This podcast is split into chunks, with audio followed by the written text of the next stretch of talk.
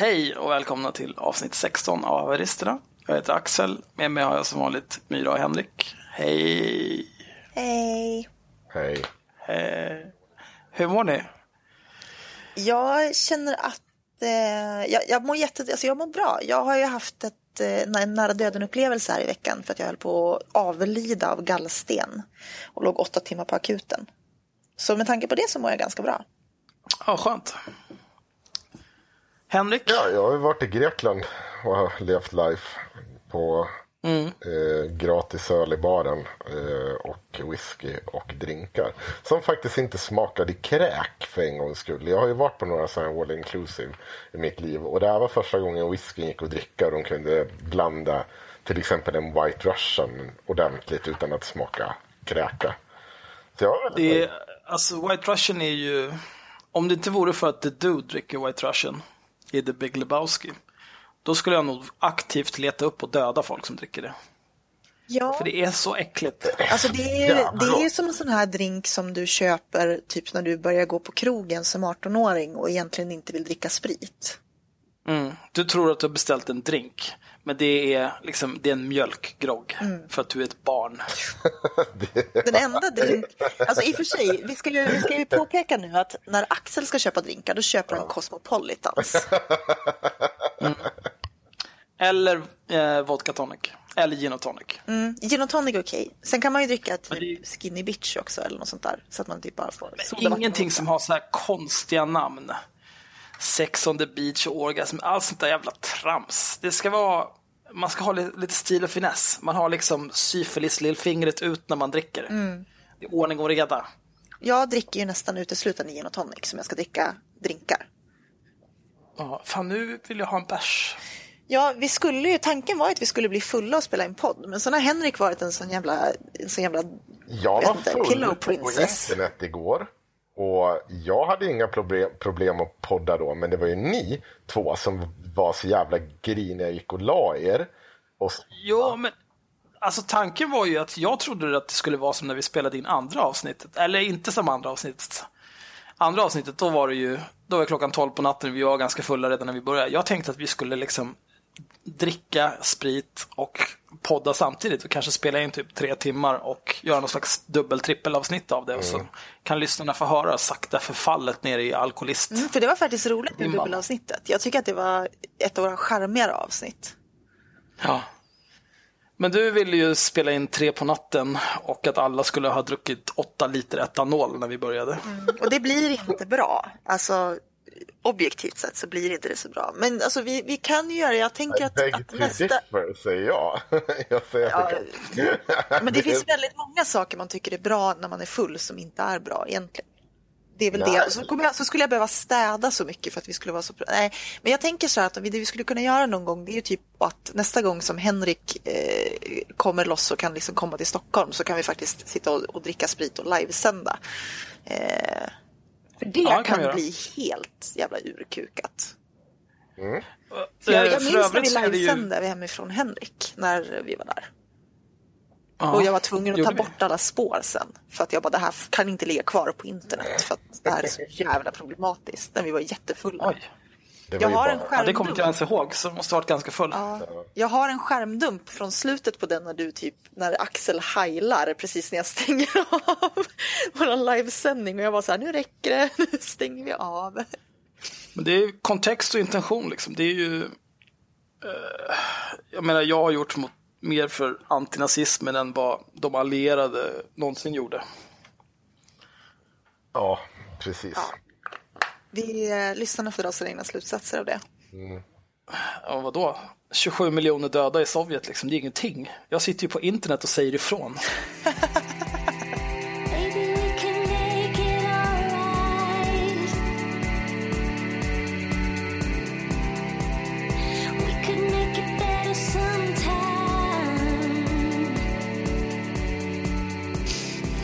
Men i alla fall, eh, idag är det söndag den eh, 22 oktober. Egentligen så skulle vi nu vara i full färd med att livestreama när vi spelar World of Warcraft. Men eftersom vi har spelat World of Warcraft hela jävla helgen så jag orkar, jag orkar inte se mer av det där. Nej, inte jag heller. Det är bra. Det är bra nu. Det räcker. Vi spelade lite i fredags kväll, eller hur? Ja. Och sen spelade vi typ hela dagen igår. Och så har vi spelat hela dagen idag. Ja, jag känner att jag har blivit kanske 10 IQ-poäng dummare sen i fredags. Så känns det ungefär. Ja, alltså jag är mest... Det, ni missade det tror jag, men jag och Fabian spelade med alltså the worst. Ja, men jag hörde det. Jag gick förbi några gånger och hörde hur arga ni var. Och så sa jag att jag hoppas att det här lär er att uppskatta mig. Ja, men det var helt efterblivet. Alltså jag, jag låg ju etta på DPS såklart med typ 45 procent. Fabian tvåa med typ 40 procent. Och sen var det en jävla Warlock som inte gjorde någon skada alls. Som tyckte att vi skulle kicka Fabian för att han var en AFK paper tank. Och så grinade han om att vi skulle ta små puls för att vår gear var så dålig. Va? Är du CP? Jag gör fan allt här. Ja. Och då kände jag att ja, precis så här är det att spela World of Warcraft. Nu minns jag varför jag hatar det här spelet. Tyska barn som man borde åka hem till och spränga. Ja. Men nästa vecka kanske vi streamar lite World of Warcraft. Men, men nu, nu har vi ju, alltså så, eh, snart, har, vad har det gått nu? En vecka eller någonting av det här. Jag har ett månadskonto. Jag tänkte inte bli hooked on heroin, så att säga. Eh, så jag hade tänkt att efter den här månaden, är det inte dags att vi prövar Battlefield då? Nej, Jo. Alltså, Nej. så, jo. Fast nej. Jo. Alltså du säger du, du har spelat fyra dagar och säger jag kommer inte bli hooked. Nej, nej. Får vi se. nej. Låt månaden Jag blir gå skitsur när du ser att vi är inne utan dig. Sitter och tjuvlevlar bakom vår rygg. Ja. i Badlands. Ja men fy fan det här jävla spelet. Alltså, så, här, så vi kan inte prata om det här. Det känns, alltså, är det, det är för många år för sent. Och jag känner mig så konstig och ny. jag känner att, jag, nej. Jag känner mig som Det kommer bli bra. farmor som kliver in Ja, men vi, vi kan väl sluta prata om det mest för att de som faktiskt är intresserade av att se oss spela World of Warcraft kan ju faktiskt gå in och titta när vi streamar World of Warcraft. Ja, det kan Vi, de. vi brukar ju Ja, ha, det kan de göra. alltså vi spelar ju i vilket fall, men vi streamar ju typ på söndagar normalt och vi brukar ha typ vadå, sju personer som är inne och tittar eller något sånt där. ja, ungefär. Det är perfekt. Det är alldeles lagom. Och då hinner vi ändå inte interagera med chatten för att vi är så upptagna med att skjuta heroin, så det spelar liksom ingen roll. Nej. Eh, Men jag har också beställt fler eh, face shields med eh, regnbågskatten eftersom senast så den vi skulle lotta ut till någon, den fick ju Kristoffer. Fabian fick den beställt. också. Ja, Fabian, ja, jag vet inte. Den, den gick inte till en av våra trogna Patreons i alla fall. Nej. Så nu har jag beställt åtta till som vi kan lotta ut. Alltså jag älskar så här, jag älskar hela grejen med att de skänker pengar till oss på Patreon och sen så tar vi de pengarna och bara tack för att ni skänkte oss pengar. Vi har köpt de här jätteonödiga grejerna för de pengarna och nu ger vi tillbaka dem till er. Jo men det är väl bättre det. Alltså, jag, jag ser hellre, ska man liksom eh, ta emot pengar, tigga pengar eller ta emot donationer, eller hur man nu vill se det, liksom, då ska man ju göra någonting roligt av det. Inte sitta som alla de här jävla apkatterna som lever på Ja, det. nej det är sant. Vi betalar ju Zencaster med det nu hoppas jag. Och typ Soundcloud Pro. Tanken är att. Ja, sen kastar, eller ja, jo, jag kanske skulle styra om det där till Paypal-kontot i och för sig. Slipper jag betala för det, det vore ju skönt. Men eh, jag, jag har också tänkt att vi ska bli patrons till eh, Rebecca Weid Moivel och eh, Katarina Janouch. För de har det svårt. De har ju Patreon båda två nu. Vad då? Har de någon lägre gräns eller kan man ge dem typ en krona i månaden? Man kan väl ge dem, en dollar kan vi väl kosta på oss. Alltså de, de, de, de bjuder ju ändå på rätt mycket material på dem. Alltså frågan är, Katarina Janouch har vi inte fått så mycket material av. Veid Moivel är jag helt med på, men Katarina Janouch är ju ganska... Hon är, ju- hon är ju tråkig i jämförelse. Jo, men jag tycker att hon ska få liksom så att hon har råd. Alltså det här är med vad bara nu för att, är det här är bara för att du vänsterswipade henne på Tinder. Eller högerswipade eller vad det är. Jag kommer fan aldrig ihåg. Jag Tinder. Uh, Superlika gjorde jag. Superlikade. Ja. Du kommer ihåg att hon inte likade dig tillbaka? Ja, jag kommer också ihåg att hon ljuger om sin ålder på Tinder, så att... Visst, jag är inte bitter. Ja, då ljuger hon alltså om sin ålder på Facebook. För att, Ja, det- Hon ljuger väl om sin ålder i, precis som hon ljuger om allt annat. Liksom. Fan bryr sig. eh, men vi hade ju faktiskt lite ämnen vi skulle beta av innan vi liksom... Ja, eh, låt mig räkna upp. Eh, De ämnen som vi har listat att vi hade tänkt ha någon form av förhoppning och ambition att tala om idag är att eh, det har inletts en förundersökning mot Ingrid och Konrads podd eh, om eventuellt brott mot grundlagen. Det är bekräftat att Martin Melin står med på Liberalernas riksdagslista. Okej. Vänta. Oj, om du, Förlåt. om du tar och sätter dig ner lite. Okej, Henrik. okej, förlåt. Förlåt. Det, det här är lite grann som när du Förlåt. inte dismissar ditt pet när vi ska hoppa ner någonstans. Ta bara och lugna ner dig så ska du se att det här blir bra. Men de här, de här ämnena har inte jag hört talas om tidigare. Men okej, kör.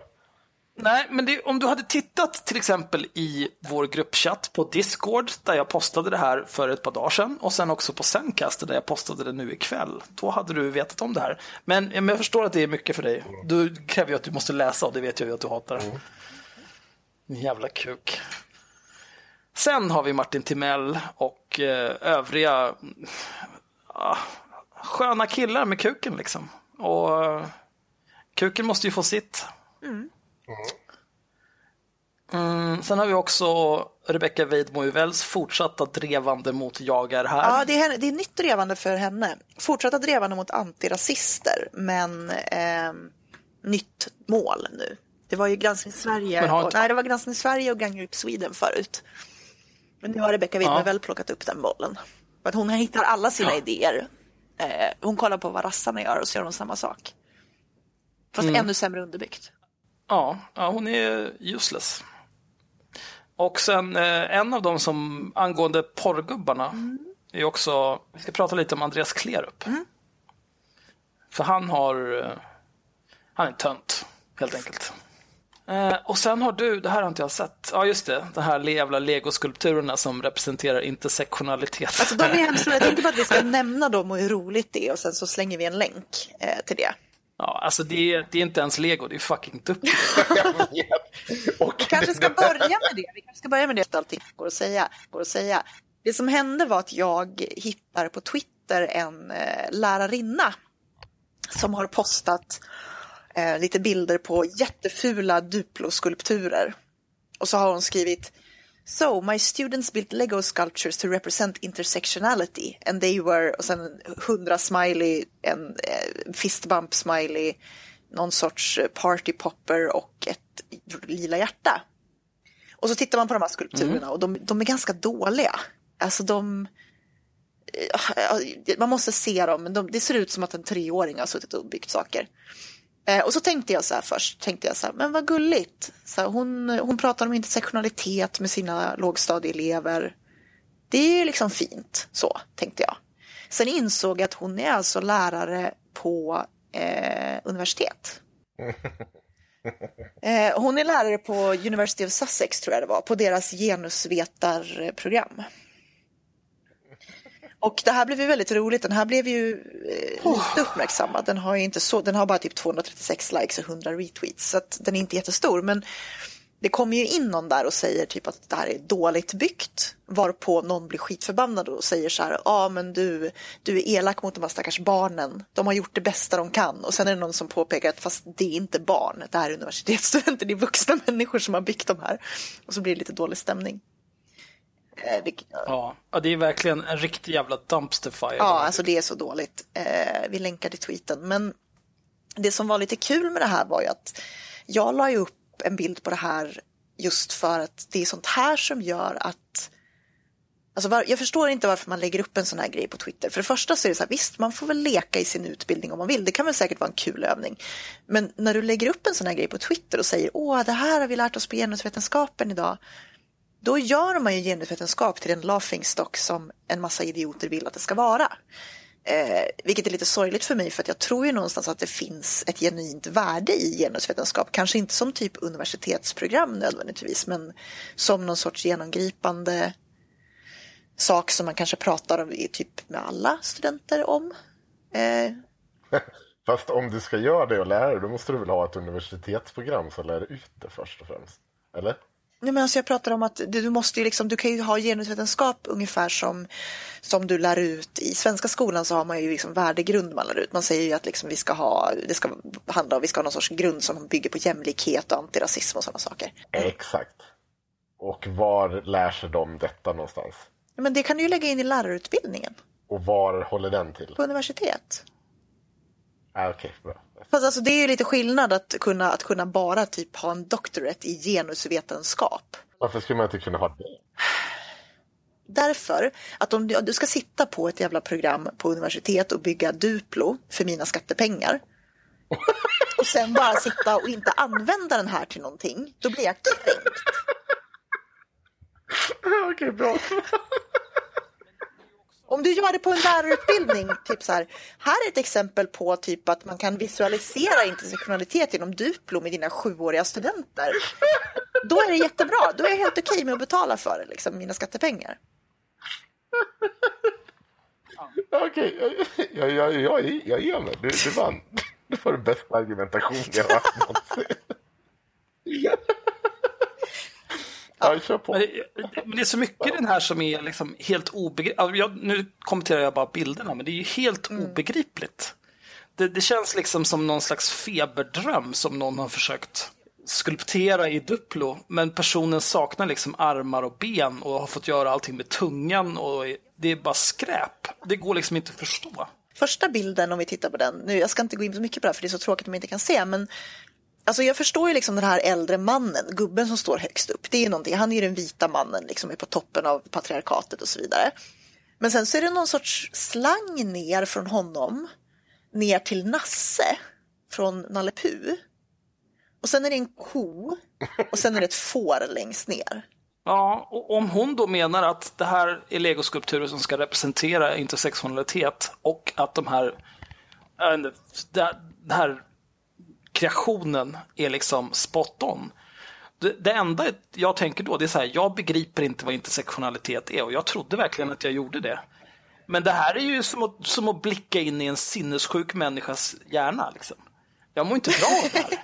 Men, och, det, och det som är kul också är att det är inte ens bra byggt. Allting sitter ju snett. Titta på det. Ja, alltså, det är så talanglöst på så många sätt och vis. Det är helt obegripligt. Det Och det är djur överallt. Jag vet inte hur djur, alltså alla de här djuren, vad de ska representera. För på den nästa bild så är det ju också något får. Och sen är det enda de har staplat massa blommor och så är det en jävla häst högst upp på en stol. Och så- Alltså det är så jävla, ja, jag, jag vet inte. Jag, jag, jag tror inte att de vet vad de byggde heller. Jag tror att de bara slängde ihop någonting och det gör mig ännu mer provocerad. Jo, men det, det där kan väl liksom vara en sån där övning där det är att alla inblandade är så jävla bajsnödiga. Så de gör bara någonting och sen är det ingen som vågar kritisera det eller så här, men du, det här var ju bara skit. Ja men typ som en viss det, är, det är ingen som begriper vad som händer. Mm. Utan det är bara konsensus, det är det enda som spelar roll. En annan grej som gör att det här är värt att driva med är att hon blev ju superkränkt för att folk tyckte att det här var lite töntigt. Eh, hon är alltså 50, 6700 följare den här kvinnan eh, för övrigt. Men sen så nu när hon har blivit eh, när hon har blivit kritiserad för det här så har hon bytt sitt namn på Twitter till Get a Life Lads. Och sen så har hon skrivit i sin bio I indoctrinate students into cultural marxism using Lego. Alltså det där är ändå försök till humor, det är bara att det är jättetråkigt. Ja, men det är ett kränkt försök till humor. Ja, Ja, det är ju, hon försöker ja bara... men nu skiter vi i Ja, henne. jag tycker att ni ska titta på länken bara, inte- den är kul. Kan inte jag få dra av det här med Make Equal för att nu har jag fått upp alla jävla länkar och skit om det. Ja, kör för del. Ja, absolut. Ska vi köra på? För då kan vi kanske hoppa över lite på det där andra vi pratar om när jag är här. Kör och... på bara Henrik, du behöver inte... Bra! Du behöver, kan bara köra. Ja. Oh, så, nu är det så här. Eh, Make Equal, eh, den här organisationen som är någonstans sprungen ur Fatta. Och egentligen tror jag heter hon Östensson. Heter hon Nej? Ida Östensen. Ida Östen Östensson. någonting. Ja. Ja, i alla fall. Det är henne och Ida Östensson heter hon och eh, Kristina Wexell. Ja, Make Equal har då en, eh, det är en organisation som gör en massa bra för världen enligt dem själva. Eh, och det gör de nog också. Jag, jag, jag har inte några större problem med mycket av det de gör. Men eh, så kom det till att de ska ge sig in på det här med eh, näthat som demokratiproblem. Eh, och i, vad blir det nu, det var ju innan jag åkte, men någonstans i början på oktober där så släpper man, eller fjärde oktober släpper man en bunt krav till, man får åka och träffa Alice Bah Kuhnke, vår demokratiminister, och ställer en bunt krav på henne som fick mig att reagera. Och de här kraven är som följande. Då. Eh, man vill möjliggöra digitala anmälningar av näthat. Mer resurser för att utreda internet, eh, internetrelaterade brott. Kompetenshöjande insatser till vuxenvärlden. In, vet ni vad? Vet fan. Nu ser jag det. De har tagit bort den punkten. Vad kul! Oj, det såg inte jag förrän nu.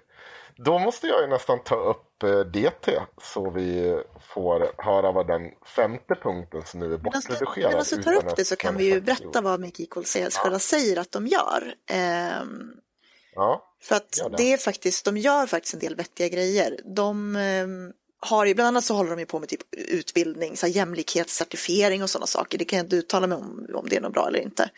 För att det beror ju lite på vilka som håller i den. Men någonting de gör är, de gjorde ju Fatta man, eh, som handlade om att man liksom skulle få män att förstå att nu ska vi inte sexuellt trakassera folk. Eh, Flickaplattformen, Make Equal Stories och skärpning, jag har ingen koll på.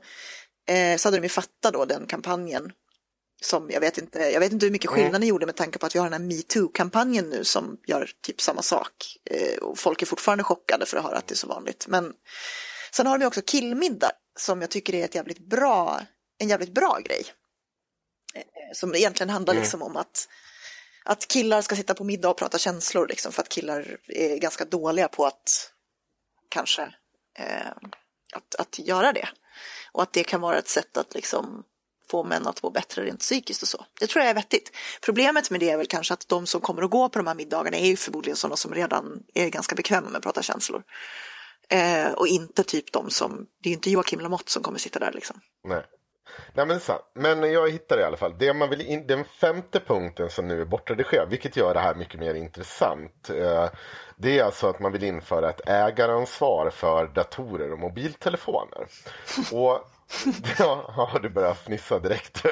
Men eh, grejen med det här var ju att alltså, flera av de här punkterna kan man ju ha en diskussion om. Internet som arbetsplats i arbetsmiljölagen. Alltså det, det ingår redan. Alltså de här sakerna. Du kan göra anmälan på internet. Det är bara att polisen skyltar inte med. Du kan mejla polisen. De är skyldiga att ta upp din anmälan.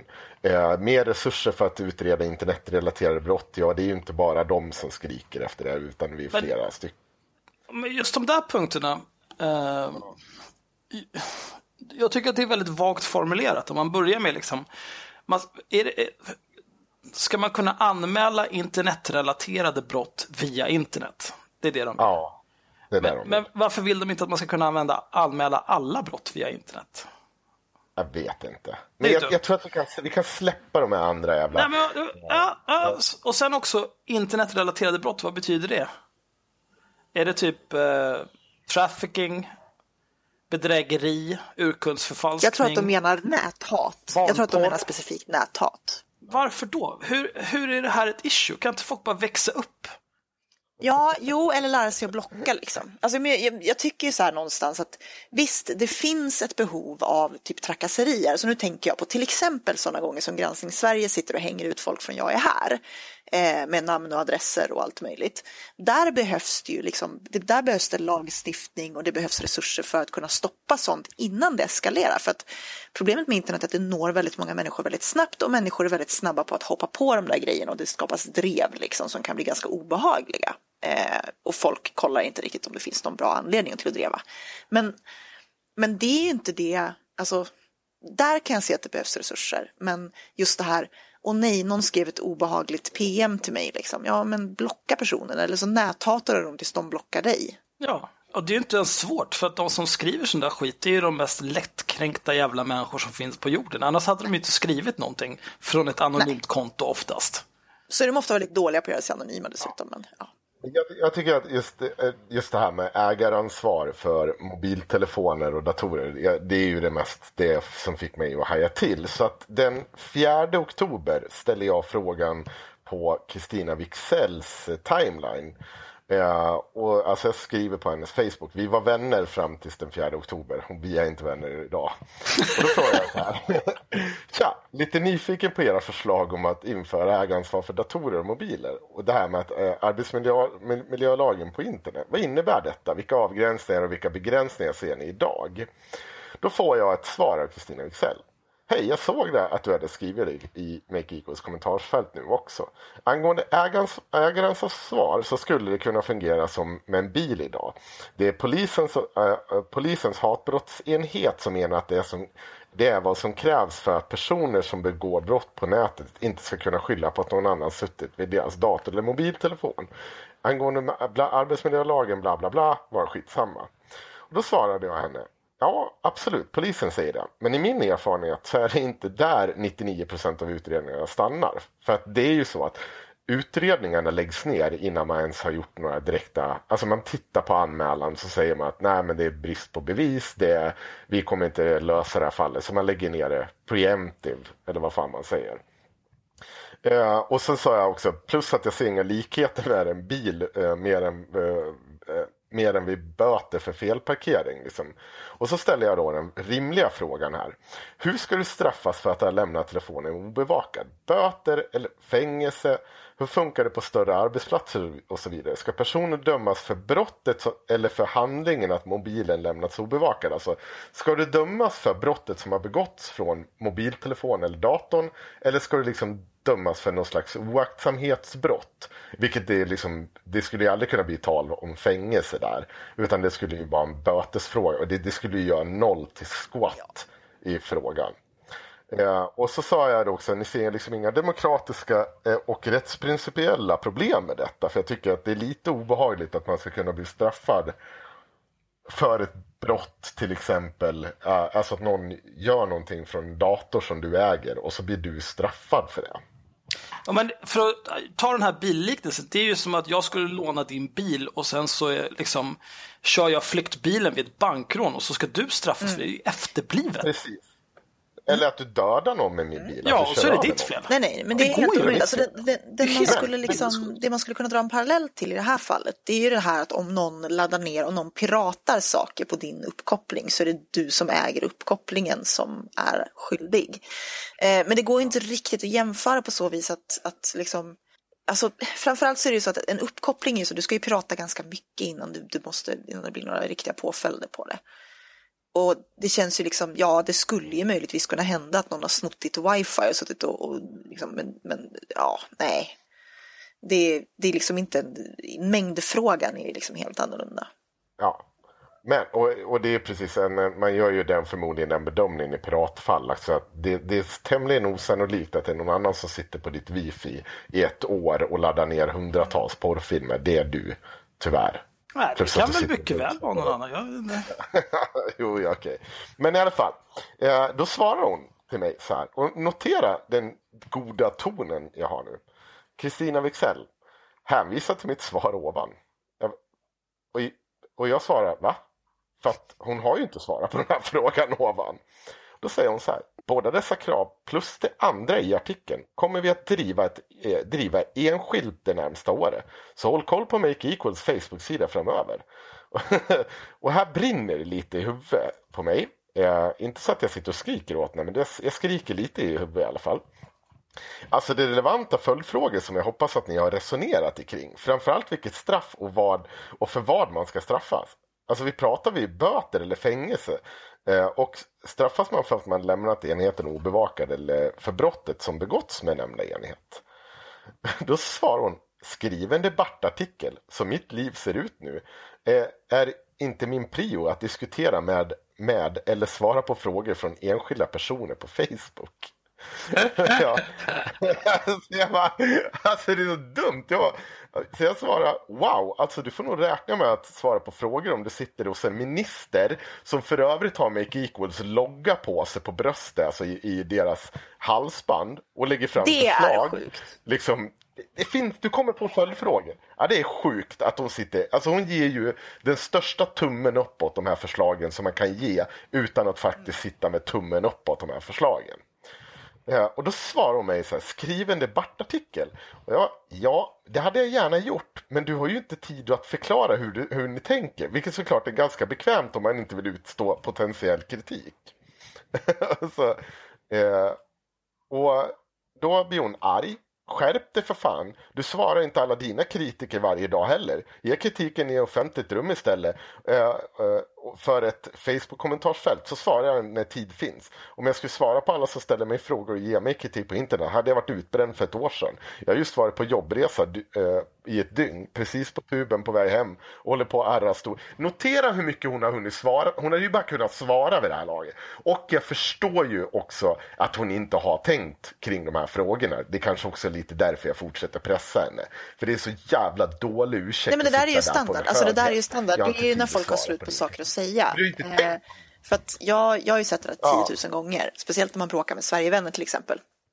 Och så kommer de in och säger så här, du kommer från IRM, ni kallar ju folk för rasist för ingenting, bla bla. Så sitter de och bråkar med en i fucking fem år. Och sen säger man så här, okej men du, kan inte du ta ett, fram ett exempel på när IRM har kallat någon för rasist utan att den har varit rasist? Och de bara, nej men jag har faktiskt inte tid nu för jag ska faktiskt, jag måste jobba. Man bara, ja det var ju praktiskt, men eh, återkom ikväll då liksom. Men det där är ju, är ju klassiskt överlag på internet. Det där har jag sett under alla mina 20 år i skyttegravarna. Liksom. Så fort folk känner sig lite pressade, då har de plötsligt inte tid eller de har viktigare Fast de saker kan, för de sig kan än sitta och att prata bråka med om det och hur mycket de inte har tid. Det kan de göra i tre timmar till. Nej, men då, det kan de oftast så brukar de ju gå iväg liksom. Men sen så då är det bara att fortsätta och hetsa för att sådana där människor brukar ju väldigt sällan vilja låta någon annan få sista ordet. Nu kanske hon här kände att du kunde få det för att hon kunde redigera Mm. sin sida sen och låtsas som att det aldrig hade hänt. Men då kommer ju hennes jävla, eh, eh, liksom, eh, ja, det här vanliga folket som ska gå in och visa på det goda. Henrik Johansson, säger Isabella någonting, vi behöver inte gå ut med hennes namn. Men du kan inte räkna med att få, få alla dina frågor besvarade. Jag tycker Kristina visar prov på riktigt tålamod när du ändå inte ger dig, trots att hon hänvisar till en fråga i ett större forum. Då svarar jag, Alltså, jag kräver inget svar. Hon får gärna svara senare, eller aldrig för den delen. Däremot tycker jag, även om det känns lite ensamt här, att det är viktigt att reda ut hur straffet ska se ut och vad brottet kommer att vara. För, de två, eh, för de två vägar jag ser är antingen totalt verkningslös eller mot svensk rättsprincip. Därav att jag frågar, vilket man kan läsa i denna tråd. Eh, och så fortsätter de så här. Och bara gå in och berättar att jag är... Ja, det är det här gamla vanliga. Du är obehaglig. Ja, det- du trycker på det. Alltså man orkar ju inte. Men då blir det ju ännu intressantare nu att de idag faktiskt har tagit bort det här utan att ha sagt någonting. Nu är det bara fyra krav kvar. Och det är ganska, det är ganska verkningslöst om vi ska vara helt ärliga. Ja, men det är bara trams. Jag förstår inte varför får de ens träffa en minister? För att de är kompisar. För de tycker om, hon tycker ju såklart om Make Equal. Och det är ju fine, det får hon jättegärna Då får hon ju göra. avgå det kan, jag, jag, jag sa så här ef- efterhand, jag skrev det i en krönika också. Alltså, om två personer kommer in till mig med en kravlista, det är ett av de här kraven. Jag hade ju aldrig satt mig och tagit bild med dem tillsammans, utan det första jag hade ställt, ursäkta, hur tänker ni här? Det är ju den första men- frågan. Vänta nu, det här är ju inte rimligt. Är det här verkligen förenligt med svensk rättsprincip? Lite fördomsfullt så tror inte jag att Alice Bah heller är någon höjdare på juridik nödvändigtvis. Eller? Nej, men alltså, när jag säger att hon borde avgå, jag är helt allvarlig. Det här är ju korruption. Om det där är hennes polare och hon gillar det de gör, bla bla bla. Men då kan ju inte komma och så här, ja men nu ska vi få massa tid med en minister bara för att vi är kompisar och föra fram våra idiotiska rättsvidriga åsikter och förslag på hur det borde se ut. Hon måste ju avgå. Det är ju katastrof det här. ja, ja, nej, alltså ja, absolut. Jag tycker det är konstigt att det är bara liksom mina krönikor som, som har gått i ämnet. Jag kan tycka att det här är, har mycket större nyhetsvärde att vi har en demokratiminister som sitter bara och ger det här tummen upp åt de här jävla kraven. Och sen visar det sig att organisationen som gör det här, hon gör det här tillsammans, inte ens de, de vågar stå kvar, stå fast vid det här kravet. De inser att det är för, det, det, man måste ju inse att det här är för Det är dumt. alldeles för dumt. Och, och vore det bara så Ja. att det var, ja det är någon organisation som har gjort, skrivit en debattartikel, de har en sida och de har skrivit en massa korkade grejer. Det skulle ju inte vara något problem. Men problemet ligger ju i att de har en minister som håller dem om ryggen. Hon har väl inte, Så men, kan vi men inte just ha det där det. bara att hon, att hon liksom sitter där med deras logga på sig och flinar upp sig blir ju konstigt. Liksom. Ja, det är ju opassande bara det, vad det än är för organisation egentligen. Det är absolut. Det, det, ja, det, det är så jävla dumt. Men framförallt när man har... Jag är så jävla trött. Alltså Kristina Wicksell tar ju bort mig. Eh, alltså så, hon tycker alltså inte att det är värt att ha kvar mig för att jag kritiserar henne för det här greppet. Sen har de inte mage att stå fast vid det. Liksom, det, är, det är klart du kan ta bort mig. Det, egentligen är ju det skit detsamma. Det, det, det är jag bara mest lite kränkt över. Att du sätter på den där höga hästen och sen liksom backar ut från det här. Det, jag tycker det är som så här, eh, eh, vad är det för fel på att bara att säga, vet du vad, vi har inte tänkt igenom det här. Det här var nog inte så smart ändå. Och jag tror inte att polisen har, liksom, alltså vad är det för jävla polis som har sett och sagt att vi måste kunna döma folk på det här brottet? Alltså det är ju helt orimligt. Du får ju fan, alltså alla poliser är ju inte direkt världens bästa jurister och har tänkt igenom det här. Och det jag tycker är ett jävla svepskäl, än en gång, det är inte där utredningarna stannar av. Ja, det är klart det finns folk som kanske har klarat sig på för att man sa att det var inte jag som skrev där. Men jag menar, de flesta grejerna sker ju systematiskt. Det är de som är allvarliga. Och det är där det blir svårt att förklara. Hur fan kan det komma sig att någon har tillgång till ditt konto konstant och det skrivs från din mobil och så vidare och så vidare. Ja. Det är helt orimligt. Men eh, ja, som vanligt så är det jag som är, jag kan ju citera vad Obehaglig mot kvinnor här, och så vidare. jag har det kvar. Gå på, trakasserar, Är aggressiv och obehaglig. profiterar Ja. på din antirasism. Samma jävla tjej. Ja. Ah, jag kan läsa så här. Jag kan läsa vad Paulina skriver. Henrik Johansson, är det rimligt, att- eh, är det rimligt att frågor? Eh, Det är rimligt att ha frågor, men tycker jag att ditt sätt att framföra dina frågor är, på, vä- är, på, är väldigt respektlös. Du skriver ett inlägg på Kristinas privata FB och får ett komplett svar runt 21 en onsdagskväll, samma dag då de flesta ligger hemma i soffan och tittar på TV efter en lång arbetsdag. Du är inte nöjd med svaret och kräver mer. Kristina uttrycker då tydligt att hon inte har tid och möjlighet att svara på alla frågor just nu. Och ditt svar både oförstående, otrevligt och respektlöst. Hon har ingen skyldighet att överhuvudtaget ta hänsyn till dina frågor en helt vanlig kväll efter arbetstid. Varför skulle hon ha det? För att hon jobbar på Make Equal. Du skriver till henne utanför arbetstid och även arbetstid så prioriterar hon kanske annat som är viktigare än att svara just på dina frågor. Hundratusentals människor har massa frågor Men varje dag. wow. Tänk om det krävde svar nu, nu, nu av en enda människa. Det går ju inte. Skärp dig. Tänk på hur du bemöter människor. Skriv en debattartikel eller vänta tålamodigt Men på alltså det där är så jävla konstigt. andra. Alltså det där med liksom... Jävlar, för alltså. det, där, det där var ju grejen med... eh, Jag tycker det där blir så jävla fjantigt. Alltså just det där, jag menar, du, det där är ju din fritid också liksom. Om du ska lägga fram ett förslag har du tänkt på de här sakerna? Då går det rimligtvis ganska snabbt och säga så här, jo men vi har tänkt på det. Eh, Jag har inte riktigt tid att utveckla det just nu. eh, Men det har att göra med bla bla bla. Och sen så släpper man det istället för att sitta och skriva jättelångt om hur man inte har tid att svara just nu. Och jag är faktiskt ledig. Eh, Sen så är det också så att det där är ju samma grej som när Marcus Birro hittar någon status som jag har skrivit för att han är vän med mig på Facebook. Eh, och sen skriver typ ett inlägg på 924 om det och sen liksom för att jag då ska svara i en debattartikel, vilket jag ju vägrade göra, utan jag skrev något på min Facebook och taggade in honom. Liksom. Eh, och han hade ju inget svar på det heller, så han blockade ju mig givetvis. Han gjorde ju den där, han gjorde den där som folk gör. Alltså det var ju exakt samma sak som, eh, som Beran Kiansad gjorde. När man liksom man hittar någon som har skrivit en något offensiv kommentar och sen så säger man nu måste du ta bort den här kommentaren omedelbart och sen så väntar man två minuter och har den inte tagits bort och man har fått en ursäkt och då säger man nej nu tänker jag blocka dig för du städar inte bland trollen på din vägg liksom. Som är såna små jävla primadonnor. Om jag ska tänka liksom objektivt om det hade varit så att du var intresserad av att fråga Kristina Wixell om, om det här istället för att du ska skriva en debattartikel och riva deras jävla förslag till liksom slå sönder i små smulor. Så det blir ganska respektfullt att fråga henne först. Så här, men vad, vänta, hur hade ni tänkt här liksom? Men nej. Jag kan ju säga, vi, vi, vi har ju inte, för det var, ju, det var ju precis vad det blev. Det var inte ment att det här skulle bli en krönika. Jag, behövde inte, jag, jag kände inte att jag behövde göra det här mer offentligt än att liksom ställa en fråga till henne på hennes Facebook. Men eh, det, det lustiga var ju att ja, men hon, de bara fortsatte ju och, och drev på det. Så till slut blev det ju en krönika av det.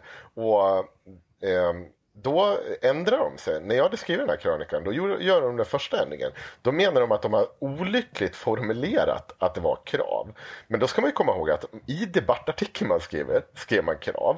När jag ställer frågor om deras krav så svarar Kristina Wixell att det är krav. På Make Equals Facebook-sida så säger man att det är krav. Allt det här redigerar man ju i efterhand, förutom den här debattartikeln som man inte kunde redigera. För den var ju liksom redan publicerad. Eh, så det var ju pinsamt. Det var ju uppenbart att man hade gått in och ville vara tuff och ställa de här kraven och skulle liksom visa upp att nu gör vi lönt för de här eh, vad är det, arvsfonden-pengarna. För det är ju staten som betalar de här också för att ta fram Åh, de här jävla förslagen. Det är det som är ja, kruxet i det också. Ja, men liksom, sen backar man och sen nu då, som vi upptäckte i sändning, backar man ett steg till och bara slopar hela kraven för man inser att det är idiotiskt. Ja, men då kanske det, vet du vad, alltså hade jag gjort så, jag hade nog fan gått tillbaka för jag hade inte kunnat liksom stått fast vid liksom att jag hade känt mig så jävla dum, då hade jag nog gått och bett om ursäkt. Men det gör Nej, man. men man tar ju bort det och låtsas som att det aldrig har funnits. Ja. Men eh, där har vi en bra övergång, eh, så vi är klara med det här nu. Eh, apropå att ta bort saker och låtsas som att de inte finns. Och där, vi kan börja, det här har med alla porrgubbar att göra. Ja. Men du Axel, Ja. kan vi ta en liten kisspaus snabbt bara? Ja, absolut. Varför inte? Så kan vi bara pausa där, för det, nu är vi i övergången. Så hinner du ladda upp. Nej, nu vart det dåligt. Ja, Okej, jag går och skär kuken av mig. ja, då går jag väl och kissar då. Nej, jag går, jag går och hämtar en bärs. Det är vad jag gör. Kul, så starkt.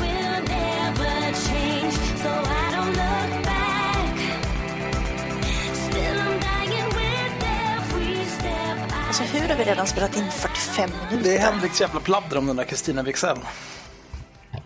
Förlåt. Ja, det var Ja, skitlångt. det, det var långt va? Men varför inte? Ja, men det hade inte varit lika långt om vi inte hade bara stannat vid ena delen. Förlåt, jag har ljudet på i bakgrunden när min jävla dosa vägrar. Vilken dosa. Fjärrkontrollen, som vi säger här i storstan. Ja, Nu, nu, eh, nu när alla har kissat, bajsat och hämtat öl så går vi vidare och pratar om eh, alla knullgubbar. Eh, eh, Jag tänkte ta lite snabbt här en sak som jag har uppmärksammade av en ren händelse. Jag var inne på eh, musikern Andreas Klerups Facebook-sida där han hade postat ett publikt inlägg där han skriver så här. Vänta nu. Metoo betyder väl att man har blivit utsatt, inte tvärtom. För övrigt börjar jag få nog nu, om inte kvinnor inser vilken makt de har. Parentes, testa skaffa barn eller stå i kö till livbåt. Slutparentes. Eh, så kan väl alla gå in osminkade med mustasch som en vanlig halvful rocker på 7-Eleven och köpa ett paket cigg och se hur de blir bemötta. Av egen erfarenhet, parentes, okänd kändis, slutparentes, så vet jag skillnaden och den är enorm. En vacker kvinna är ju rockstjärna varje dag. Plus att flera av dem som gastar högst gällande det här har legat med fler snubbar än vad som är hälsosamt. I kid you not. Det här tyckte jag var otroligt kul. Det finns ju så mycket i den här posten. Vi kan väl börja med faktiskt att konstatera att det här med livbåtarna Ja, är är ju myt. fake news. Eh, Den här historien om att kvinnor och barn fick ta livbåtarna. Det var så på, det blev så på Titanic, men det var ju för att de stod och hotade män med vapen för att få dem att lämna plats Ja, men åt det kvinnor där är och ju barn. liksom, också, är hur, hur relevant är det liksom i, i vardagen? Hur ofta står du och väntar på en livbåt? Ja. Liksom? Jo, men, Han är ju dum i huvudet. ja. Och sen det här med att testa att skaffa barn. Ja. jag vet inte, han kan ju skaffa barn, men eh, jag tolkar det som att han inte har, han är, han är bitter för att han inte har en livmoder och inte kan liksom, föda barnet själv. Eller? Jag tror att, jag tror att, ja, alltså grejen är väl att jag, jag tänker så här att, att ha en livmoder är ju liksom, det är ju ganska mycket skit som kommer med det också. Jo, men det vet ju inte han någonting om. Han tror ju att Nej. det bara är euforin av att få bära ett liv och föda det. Mm. Och det är ju helt riskfritt. Ja, ja, precis. Det är inte som att kvinnor dör när de föder barn eller så. Nej, det är ju inga foglossningar. Man spricker ju liksom inte från sida till sida och det är ju- blir inga som helst komplikationer. Nej, nej, nej. Jag, jag misstänker att han, han diskuterar utifrån att det finns privilegier mellan män och kvinnor gällande Alltså det är det han försöker säga, men Ja. han tar ju de sämsta exemplen. Ja, Nej, men det- det, alltså, det, det är ju inte ens ett dåligt exempel. Det är, det är ett efterblivet exempel. Testa skaffa barn. What the fuck does that even mean? Det är bara Du rappakalja. kan ju skaffa barn, du slipper ju bara liksom klämma fram ungen. Det Ja, känns ju som han, ett privilegium han, han, kan, det. han kan ju syfta på att eh, kvinnor oftast får vårdnaden. Men det är ju liksom inte, Men det är ju inte inte- nödvändigtvis någonting som är positivt för kvinnor, för det har ju med de här patriarkala könsrollerna att göra, det vill säga att kvinnan är omhändertagande och så vidare. Så man utgår ifrån att kvinnan är den bäst lämpade föräldern baserat på hittepå. Jag vet inte ens om det där stämmer heller. Eh, jag vet ju, alltså det här blir superanekdotiskt, det finns säkert siffror på det där, men alltså jag kan väl säga att jag har varit med om rätt många fall där mannen har varit uppenbart illa lämpad, men ändå eh, eftersom, eftersom de liksom, det räcker med det minsta, det räcker med att pappan byter en blöja så, så säger alla liksom, oh, men gud vad fint, gud vilken duktig pappa och sen så, det är klart att han ska ha vårdnad. Ja, men det är ju lite lägre krav för att en, en man ska vara en superparent. Precis. Kvinnor förväntas ju mycket mer bara sköta allt det där av, på det, automatik antar jag. Det är ju bara generna tar över så. Ja, ja, det är liksom, det, det är bara att gå på, gå på eh, instinkt alltihopa. Ja, och sen det här med gå, gå på 7-Eleven och köpa ett paket cigg och se hur de blir bemötta. Ja, alltså, Ni vet ju hur han ser ut va? Alltså han, han ser ut som en undernärd pundare. Jag är TF här. Jag kan ju säga så här, även som normsnygg kvinna så är det inte så att jag blir behandlad som en rockstjärna när jag går in på 7-Eleven och köper snus. Jag kan dementera det rakt av. Jag blir behandlad ungefär som vilken jävla människa som helst. Jo, men du kanske inte blir behandlad som Andreas Klerup. Men han ser ju ut som en tjuv. Så det är väl inte så konstigt att han blir illa behandlad. Men jag har Andreas Klerup blivit illa behandlad bara baserat på sitt utseende? Alltså det vore ju rimligt om man hade det, men jag har svårt att tänka mig det. Ja, men han säger ju också eh, gå in osminkade med mustasch som en vanlig halvful rocker. Liksom, raka av dig mustaschen, sluta vara en halvful rocker. Så är ju problemet Ja, löst. för kvin- Ta en kvinnor dusch. är ju aldrig osminkade heller när de går och handlar. det Nej, det ju. finns inga halvfula rockertjejer. Nej. Nej, men han är duktig. Mm. Eh, men det sista är ju den här, flera av de som gastar högst gällande här har legat med fler snubbar än vad som är hälsosamt. Det tolkar jag som att det finns en brytpunkt för hur många killar en tjej kan ligga med innan hon blir allmän egendom och då är det liksom okej att, att knulla henne hur man vill. Jag funderar på, ja, alltså jag funderar på, menar han hälsosamt som i typ att, det, att man mår dåligt? Alltså att de är, om det visar på någon sorts psykisk skörlevnad hos personen som ligger runt. Är det det han menar eller är det liksom hälsosamt för ens, ja, alltså jag vet inte ens vad han vill säga. Jag, jag, tänker, ju- jag tänker att han vill säga någonstans att det inte är hälsosamt för dem. För de måste må dåligt som ligger med så många. Så tänker jag att han menar. Jag, jag tror han menar att tjejer som ligger med många killar, de är horor och de, det är inte så konstigt ifall de blir sexuellt trakasserade eller våldtagna för att de har ju signalerat till omvärlden att de gillar att knulla och då är det klart de gillar att knulla när som helst med vem som helst, hur som helst. Vad hände med den texten Axel? Ja, vad- Ja, eh, den försvann, Ja. men lyckligtvis, jag, av en ren händelse så råkade jag ha ett screenshot på den så att jag postade den istället publikt. Alltså när jag, när jag delade den, då delade jag den bara till mina vänner för jag tänkte så här, ah, vi behöver inte göra en större grej av det här än vad som är nödvändigt. Men sen såg jag att han hade tagit bort den, eh, så då postade jag screenshot på den publikt.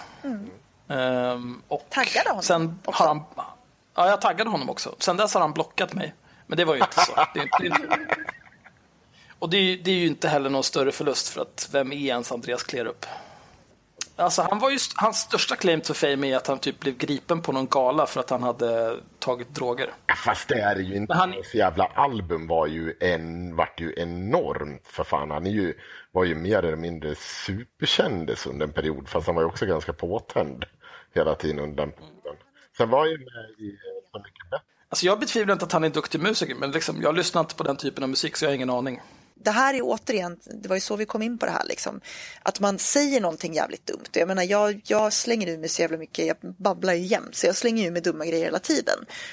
Eh, men det har hittills aldrig hänt att jag har typ gjort en status om någonting, insett att bara oj, det här var lite dumt och sen har jag bara tagit bort den och låtsas som att den inte hände. Det tycker jag är lite ryggradslöst. Då kan man ju åtminstone gå ut och ta Nej, men tillbaka. han har faktiskt eh, han har bett om ursäkt. Efter den här första statusen, då skrev han en till status om att eh, han har inte sett så många strippor och polldanserskor som klagar. Då har han inte Eh, tittat. den har ja, också för då har han inte bort. tittat särskilt noga. Nej, ja, ja, det är också bara så här, det är ett, ett bisarrt uttalande. Vad betyder det ens? Eh, men han har bett om någon slags ursäkt. Eh, ber om ursäkt för igår och alla som tog illa upp. Impulsivitet är som att stå på Arlanda och kasta tärning om vart man ska åka. Kort stubin är väl bara att läsa en Kalle Anka för att förstå. Hur som, borde lagt ner telefonen. Sorry Johan Renck. Hashtag oh lord don't let me be misunderstood. Han blev ju inte missförstådd. Det är väl... Han blev ju verkligen inte missförstådd. Problemet var, det, att, det, problemet var att folk förstod precis vilken kvinnosyn han hade och det var ju det som var... det var det som var problemet.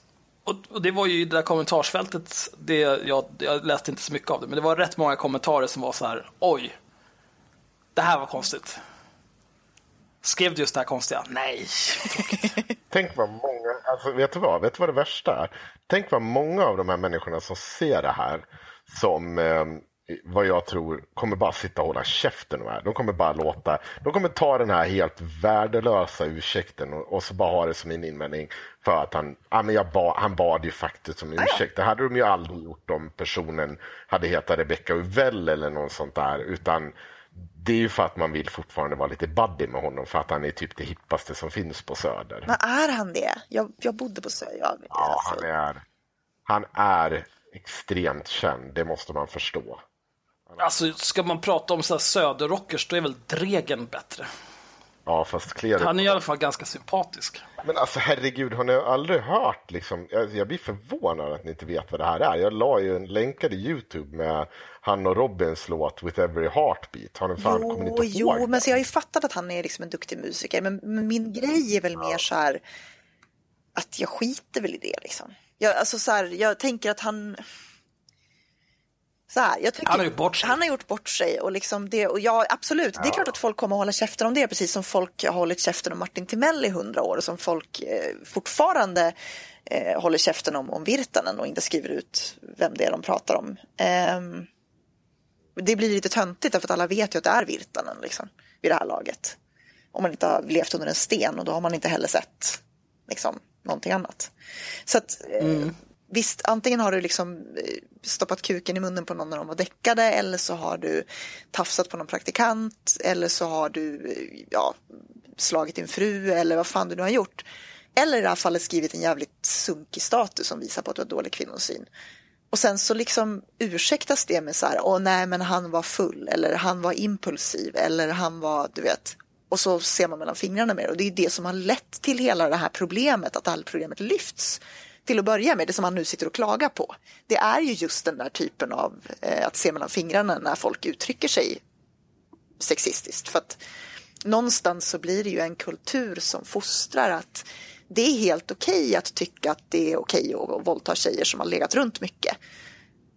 Och det betyder ju också att människor som faktiskt våldtar tjejer som har legat runt mycket tycker att det här är okej. För att det sitter ju faktiskt, Andreas Klerup sitter ju och säger på sin Facebook att det är okej. Ja, alltså man kan säga så här, ju större publik man har, desto större ansvar har man.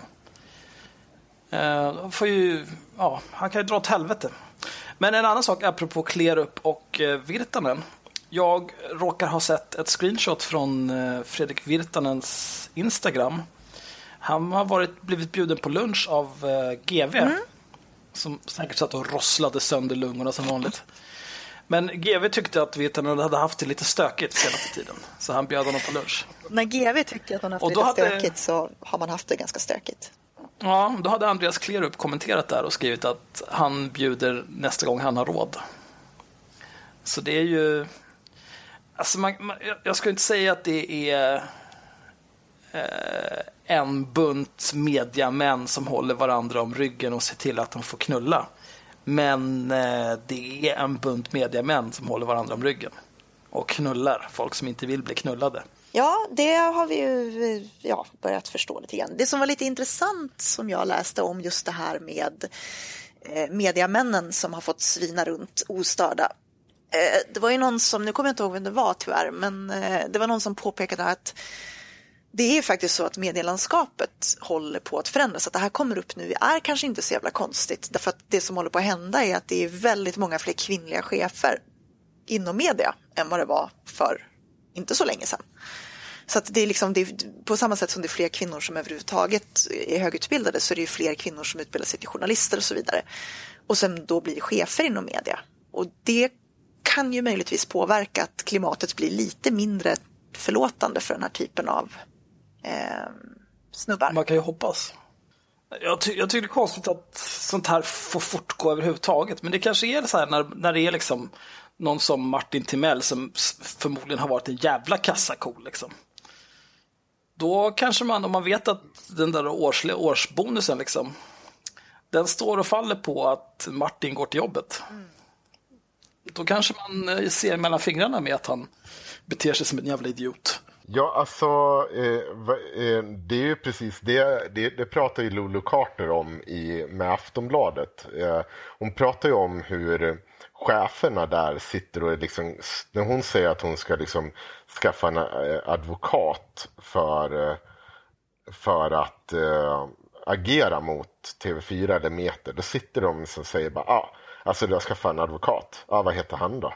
Ja, han känner jag, så lycka till med det. Liksom, du är skitstöddiga mot henne. Och Hon, alltså anledningen att jag, jag, alltså hon är så klockren när hon vittnar om det här också, för hon är så totalt stadig, liksom så här, väldigt noga med vad, hon, vad som har sagts så här, ordagrant och vad hon inte minns till hundra.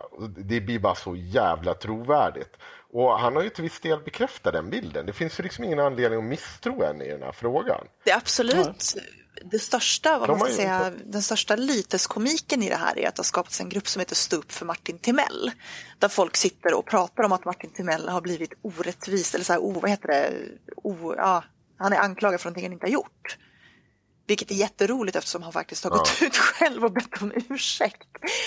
Ehm, och det sitter alltså folk där och bara pratar om så här, du, står, du behöver inte stå ut med att de här galna feministerna anklagar dig för grejer du inte har gjort Martin. Du är en fin kille och så vidare.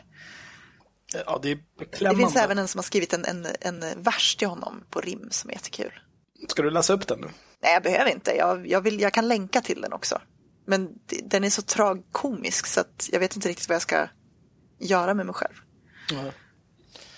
Ja, men jag tycker att hans, den här ursäkten han gjorde, det, det, var, det var just det, hans eh, patetiskt naiva önskan om att få roa folk eller något sånt där.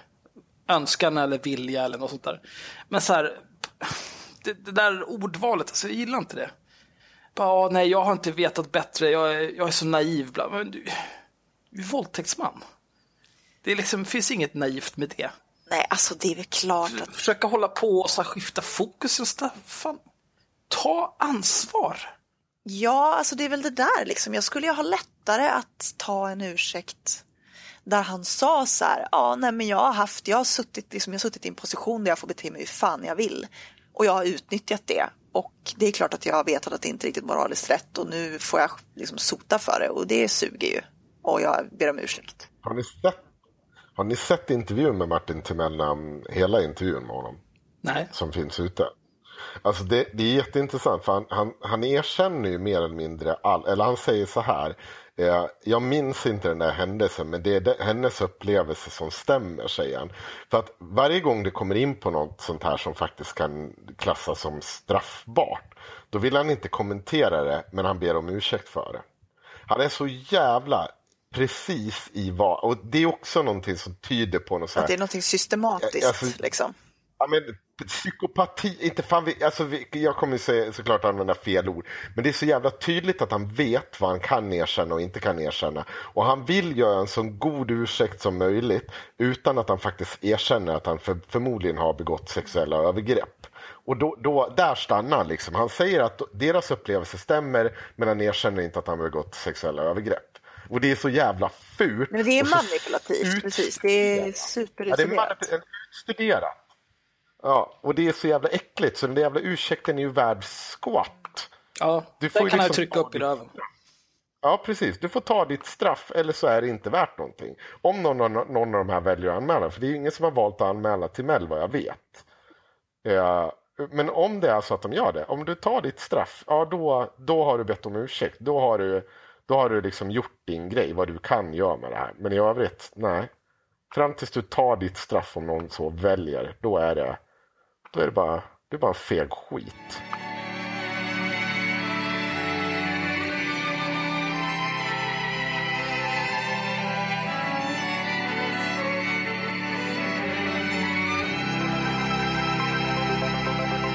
Oh, vad har vi för fler porrgubbar vi behöver skälla ut?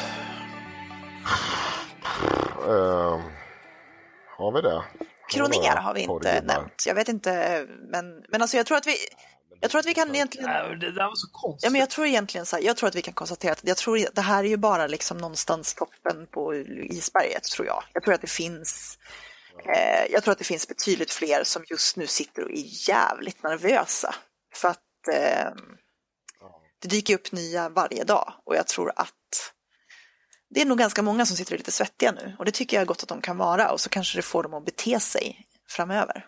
Problemet är att det brukar ju sällan göra det. Nej, det är ju ingenting som blir bättre av det. Det måste ju, det måste ju avslöjas, annars händer ju ingenting. Och knappt ens då. Och det här, alltså jag tycker, det, det, är ju ett, det är ett jävla dilemma eh, det här med, för det har ju diskuterats jävligt mycket med, med outning och, och dittan och dattan. Men det är ju ett dilemma när de här människorna aldrig outas och tvingas stå till svars för, för vad de har gjort. Och, och jag vill inte se någon slags jävla högaffelsamhälle eller något sånt där. Men det är ett problem när vi aldrig talar om vilka de här människorna är. Alltså att de inte namnges. För att då kan de fortsätta, de kommer undan. De kanske blir lite rädda för stunden men det är ju lätt att fortsätta. Ja, det är ju så, men det, där handlar det ju om att, att liksom att det, det finns en, man brukar ju prata liksom om våldtäktskultur och så vidare. Uppenbarligen så det finns ju en tystnadskultur runt att man, att man alltså, och jag gillar inte att kalla det, jag snackade om det här, jag gillar inte att man kallar det för tystnadskultur. För att det är inte det det handlar om egentligen. Det handlar inte om att, att liksom folk är tysta, det handlar om att ingen lyssnar på dem. Så att det är snarare en ignoranskultur än en tystnadskultur. För säger man tystnadskultur så tycker jag då, då på något sätt skuldbelägger man ju dem som har blivit utsatta för att de inte har skrikit högt nog. Eh, jag tror så att det finns en kultur av att man, man liksom vänder sig åt andra hållet och tittar bort. Och det är den kulturen som måste förändras och förhoppningsvis så är den på väg att förändras i och med att de här sakerna nu kommer upp till ytan. Tyder ju på att det finns ett helt annat, en helt annan eh, ska man säga, mottaglighet för att de här sakerna faktiskt kommer upp till ljuset. Så att det är väl bara att hoppas att det är en vändande trend. Jag tror tyvärr inte det. Jag tror att man, jag tror att eh, eh, jag tror inte på det. Jag tror absolut det. Jag tror att man gör en tillfällig ut, utrensning. Det kommer gå att återgå till van, som vanligt. I alla fall, för att man ska komma ihåg att majoriteten av de här övergreppen begås ju inte liksom i mediebranschen. Det begås ju i liksom vardagen. Och där har det ju inte, har det verkligen blivit något liksom, kommer det verkligen få konsekvenser där? Nej, det- Eh, jag är nej, inte det helt tror jag övertygad. Men det är också med sådana här mediamänniskor, alltså, alltså så high profile personer liksom. De kan ju bara så här, ja men jag går i terapi ett tag, för jag, jag kanske har, vi, vi hittar på att jag har någon slags eh, Missbruk, alkoholism. sex, sexmissbruk eller någon form av substansmissbruk. Och så går jag i terapi för det och nu har jag varit ren si och så här länge och jag känner mig som en ny människa, jag har funnit Gud och bla bla bla bla bla. Hej och hå, nu har jag ett nytt program på TV4 igen eller på Femma eller wherever. Eller så får de en bokdeal för att berätta om sin resa. Ja, det är lite så. Tyvärr. Och det, det är klart att du har rätt att, att det här är ju inte unikt för mediebranschen. Utan det är väl liksom egentligen alla branscher där Alltså, det, det finns ju en kultur där liksom män har haft utrymme, speciellt män med makt på olika sätt har kunnat utnyttja folk. Och sen har vi också liksom andra sidan av det myntet där är också att det finns eh, rätt många kvinnor som också liksom försöker ta sig upp på det sättet. Eh, för det finns ju faktiskt, det ska vi inte liksom hymla med heller. Att det finns kvinnor som faktiskt utnyttjar det faktum att det sitter väldigt många män med makt för att ta sig fram på det sättet. Och det är inte en så här jättebra kombination liksom. Eh, Oj, Ja, men det är ju inte det. Nu blev det Nej, men alltså, men det är ju sant. Jag menar, och, det, och problemet är så, och det är, inte, det är väl fine, alltså jag har inga problem med det personligen. Personligen så kan jag känna så här, att om du som kvinna hamnar i en situation där du bara så här, ja men du, du kommer inte tas på samma allvar, du kommer inte att ses som lika kompetent, du kommer jada jada. Ja men vad fan, använd det du har då liksom. Jag kommer aldrig döma en kvinna för att hon gör det, för jag kan förstå varför de gör det. Eh, därför att det handlar liksom om att, ja men du har inte samma räkmacka liksom använd det du har. Men problemet kan ju också bli så här att eh, den, det kan ju också få de här snubbarna att tro att liksom, nej men där är, där är fine, jag kan göra så här. Eh, på ett helt annat sätt. Du menar för att någon är okej med det så utgår de då från att alla är det? Ja, men lite så. Alltså de här människorna är ju också, för att det finns ju säkert gott om, även gott om kvinnor som tiger om att, att män är svin, därför att de vill ju på samma sätt som de som får sin lön betald av Martin Timell. Vi ska ju liksom inte låtsas att det här bara, det är inte bara män som har hållit käften om det här, det är ju kvinnor också. Därför att det finns ju fler än män är som har tjänat på att Martin Timell har liksom hållit dem om ryggen eller betalat deras oxfilé eller vad han nu har gjort. Spikat sig handen i tv. Eh, sen så är det ju klart att liksom, ingen av dem har ju samma skuld som Martin Timell som faktiskt har gjort de här grejerna. Det är jävligt viktigt att komma ihåg. Men det är en skadlig kultur som liksom bygger på det faktum att män har fått bete sig ganska svinigt ganska länge och inte fått så mycket skit för det. Jag måste ändå säga att jag blir jävligt glad för Lulu Carters skull som ändå så var ut för eh, att prata om det här för, vad är det nu, två år sedan och vart misskrediterad då att allt var en jävla lögn och skit. Jävla skönt att få den upprättelsen alltså. Ja, det måste kännas bra. Det är jag glad för hennes skull. Riktigt jävla glad. Är det någon som förtjänar det så är det väl hon vid det här laget då. Framförallt när man har sett liksom hur de här Martin Timell-supportrarna går an om henne. Alltså jag blir så jävla förbannad. Och det är främst kvinnor som gör det också, vilket gör mig ännu mer förbannad. För då sitter det liksom en massa, massa medelålders kvinnor där och liksom äldre kvinnor och säger så här, ja nej men usch hon vill ju ha den här uppmärksamheten och hon har ju fixat läpparna och hon går ju runt och, ja men du vet. Och jag blir så jävla förbannad. Det är så här, det är precis clear upp argumentet. Ja men hon försöker ju se snygg ut så att hon förtjänade säkert allt det där. Ja, men hade hon haft burkan på sig liksom, då hade det inte varit ett problem. Nej, och det är så, ja, jag vet inte, det finns få saker jag- blir mer provocerad av. Inte för att jag kanske tror på att det finns någon så här systerskap som folk bör förhålla sig till, för det tror jag är bullshit. Ehm, men, men jag tycker att det finns någonstans en, en Alltså, jag kan väl tycka så här, som kvinna som ständigt kommer att dömas efter ditt utseende så kanske du ska e- egentligen så här, inte sitta och döma andra kvinnors utseende på det sättet. Ja, det påminner väl om den där SD-haggan från, som anhöriginvandrade från Ungern och eh, ville minska anhöriginvandringen överlag och även tyckte att kvinnor som blir misshandlade i nära relation borde se över vad de själva har för skuld i situationen. Det är lite samma. Va? Anna Hagvall. Ja, vilken jävla idiot. Men nu går Och vi... antisemit. Och antisemit, ja men det är klart. Det, det säger vi sig självt. Ja. Men ska vi gå vidare till nästa ämne då? Jag, jag vet inte, nu har vi kört i en timme, tolv minuter. Det, jag, det känns som att vi precis började. Jag vet inte riktigt vad vi gör för fel idag. det här. Det gick fort verkligen.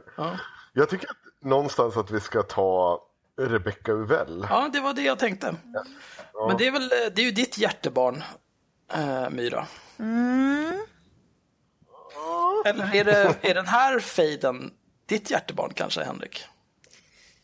Jag tror att det var vår båda, så jag har lite olika infallsvinklar här. Hon har ju varit ute och vevat igen mot eh, en antirasistisk organisation. Jag tror att hon har gett på sig, de, eller gett sig på de flesta i Sverige. Och den här gången är det jag är här. Och eh, deras, eh, de ska tydligen söka pengar för att göra något slags projekt, att de ska söka skattepengar. Väldigt oklart exakt vad det är de söker pengar för, för det framgår inte av Rebecca Uvells inlägg jättenoga. Var de söker pengar från framförallt väl? Ja, men det var från staten. Alltså det är, Det är skattepengar. skattepengar. Man, så jag vet inte om man, ja, det är skattepengar. Det, det, det, har jag, det är Mm. klargjort nu. Men hon är också väldigt kränkt. Det börjar egentligen med att hon det- det verkar som att hon granskar eller skriver om saker utifrån vilka som har kränkt henne eller på något sätt eh, Kränkt hennes rassepolare stört henne. snarare. I det här Ja. fallet så har ju jag är Ja, här. fast i det här fallet... Ja, men som vi konstaterade i början, jag vet inte om det var på inspelningen eller innan, men alltså att nu har ju liksom, jag är här, de enda som har bråkat med dem tidigare är ju Granskning Sverige och Gang Rape Sweden. Och det säger väl kanske en del om vilka, vilka Rebecca väl sympatiserar med. Lyssnarna får dra sina egna slutsatser. Ja. Ja, i, i det här inlägget, det, det inleds med att hon säger dagens sjukaste aktivistgruppen mot näthat jag är här på Facebook har alltså blockerat mig eh, efter jag ansökt eh, om min, eh, ja, medlemskap. Eh, och det, det här är ditt är gammalt tweet för hon, hon hade redan 2016 skrivit om dem. Och då för att bevisa varför hon hade blivit blockerad så har hon tagit en random i Jag är här som har skrivit en kommentar. Alltså det är inte admin utan det är en random person, inte den som har blockerat henne, som skriver så här. Ja, det räcker väl med den där första bilden om Mikael Wiehe. Och då är hela hennes slutsats att hon har blivit blockad för att hon hade en bild som drev med Mikael Wiehe. Än en gång, den här personen är inte administratör eller på något sätt styr jag här. Utan Sen så kan vi konstatera också så att det är lite rich när Rebecca väl klagar över att hon blir blockad från en grupp med tanke på att hon blockade typ 80 personer som bara retweetade eh, en text som hon hade bestämt sig för handlade om hon, henne. hon, skriver, hon skriver så här, åt, otippat, jag är nu återigen block, blockerad från jag är här. Snöflingorna tål inte granskning, men vet ni, offentlig handling går inte att blockera. Det här skriver hon alltså 21 oktober, alltså igår på förmiddags. För exakt 20 dagar tidigare skrev hon, jag har blockerat det 80 personer som RT en artikel som inte omnämner henne själv. Skriven av Margit Rickert. För jag har dubbelkollat nu hur man uttalar hennes efternamn eftersom vi var helt odugliga förra avsnittet. Rickert. Ricket. Rickert. Betoning på första Som stavelsen. Rickert. Eh, ja, Mm. ehm, det ja, eh, kan vi gå tillbaka till, eh, till att du berättar mer om? Ja, precis. Men hon har i alla fall då, ska, då har ju inlett den här typen av granskning och det hon är upprörd över det är ju att de här personerna gör en subjektiv bedömning när de anmäler olika inlägg. Eh, vilket såklart är, det finns ju en poäng i att kanske alla inlägg som har anmälts av folk som är delaktiga i Jag är här Men det är klart som fan att den blir liksom subjektiv. Det är korrekt. ju liksom, vad är det, flera tusen privatpersoner som individuellt sitter och, och bestämmer vad de ska göra. Ja, de har ju 75 000 medlemmar. Ja, och det är just det som är poängen också. Det är ju inte jag är här som grupp, eller vad säger, som, som ledningen för jag här som sitter och säger att ni ska gå till den här artikeln och så ska ni anmäla det här. Utan de har ju ett system där de lägger upp en länk varje dag där folk kan gå in och berätta vad de behöver hjälp. Och då hjälper andra medlemmar till. Så det är ju helt Alltså I den meningen är de ju extremt autonoma, men absolut, det, det kommer ju anmälas inlägg, det är jag helt övertygad. Men att det är någonting man sitter och aktivt uppmanar till att göra, det är ju inte sant. Det är ju bara att man har berättat, de brukar gå in och berätta att de har anmält Sen är vi lite oense där. Och Jag kan ju tycka att, att man låter folk sitta och berätta att de har anmält inlägg. Det kan ju också trigga andra att anmäla.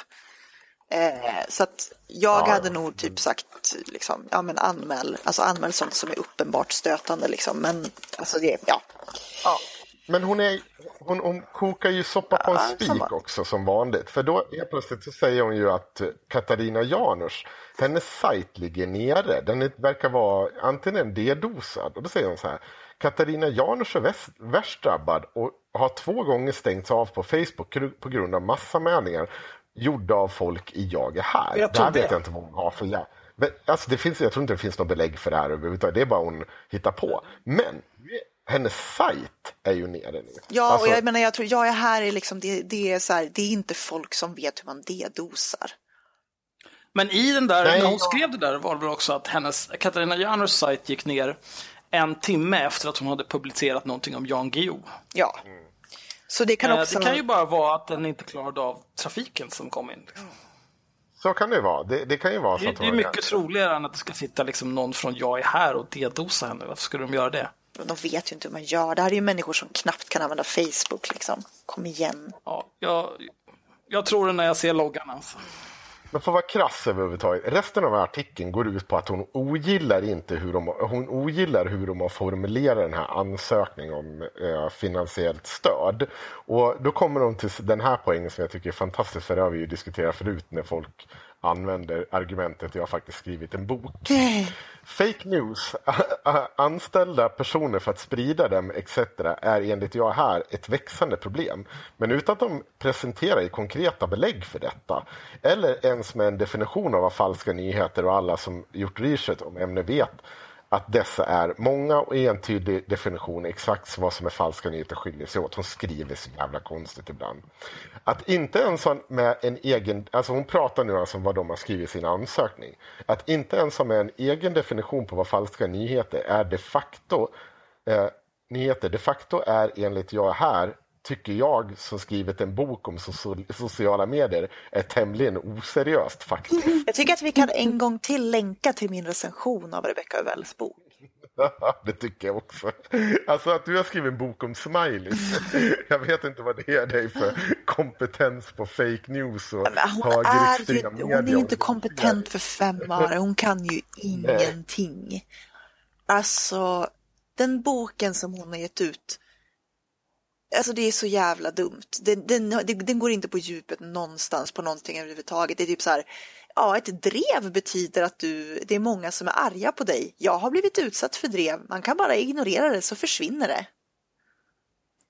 Ja, eh, men om vi kan konstatera att det, det mesta i det här det är bara ett jävla falsarium. Och, men det är en vanlig hon drar ju granskning, slutsatser. liksom. Ja, men det är en grej som får mig att reagera och, och som så vitt jag kan se, eller vad hon skriver, nu har hon ju visserligen fått det här lite med arbetsgivaravgifter och sånt här så blir inte det här riktigt rätt. Men eh, hon har en poäng här. Det är att de har en budget eh, där de har eh, satt budgeten på tre personer i två månader. Och då ska man ha 360 000 kronor för vad då, eh, lön för de här personerna. 50 000 i grafisk utveckling, digital utveckling 50 000 och sen overhead kostar 40 000, totalt 500 000 har man sökt. Där innebär en månadslön för de här tre personerna på 40 000 per person. Vilket får mig att... Ja, det är alltså... Nu pratar jag inte om väl, för hon ska ju inte egentligen ha något problem på att folk är välavlönade. Men 40 000 Alltså det är, det är faktiskt för en ideell organisation. Det är faktiskt helt jävla bisarrt. Som någon som är anställd av en ideell organisation och inte tar ut 40 000. Nej, det skulle du aldrig få, tyvärr. Jag Alltså, skulle aldrig ska- acceptera att ta ut 40 000. Alltså, Du skulle kunna men få en löneökning någon gång, men Jo, ska men, vi ta i... så här, får jag säga nu, för nu, nu är jag TF igen. Nu vill jag låta. Ja, Så här, eh, nu är det ju så här, vi får ju, min lön är ju helt betalad av frivilliga bidrag från våra följare. Det är, Ja. det är ju ett. Vi, vi har ju inte sökt några bidrag liksom för skattepengar, utan det här är, jag är ju helt beroende av att folk tycker att vi gör ett bra jobb och att de betalar min lön. Eh, vilket jag tycker överhuvudtaget är mer moraliskt än att typ ta, kanske ta ut skattepengar för att någonting som egentligen är så här, någonting jag tycker är kul att göra. Det är väl lite det som är grejen när man jobbar liksom i en ideell förening är ju att du brinner för det du gör.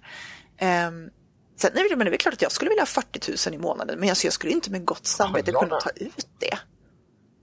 nej, alltså det, det är ju alltså, det är så sjukt. Och, och speciellt det som stör mig mest med det, det är så här, de har inte visat någonting. Alltså, om vi skulle titta på liksom, de har ju inte gjort någonting. De har administrerat en Facebookgrupp och gjort en hemsida och nu ska de släppa någon bok tror jag som, eh, som är liksom olika berättelser om, om eh, civilkurage typ, som folk har lämnat in till dem. Men alltså vad, vad fan har de visat på att de, de har inte visat på liksom att de kan göra någonting med de här pengarna.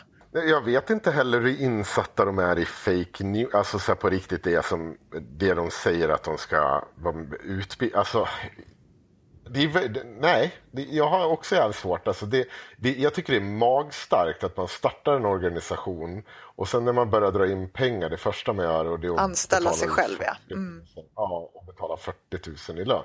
Och jag förstår att de här människorna har haft kanske välbetalda jobb och dittan och dattan. Men sorry, eh, det, är liksom, det, det gör man ju inte.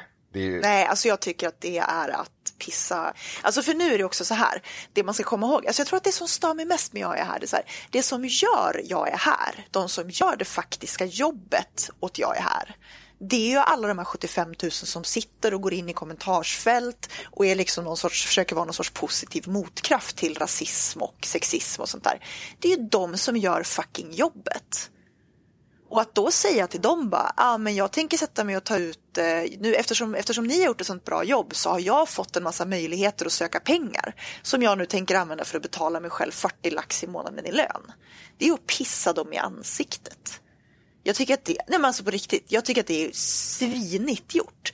För det är inte, det är inte mina dennert som har suttit där och krigat i kommentarsfält.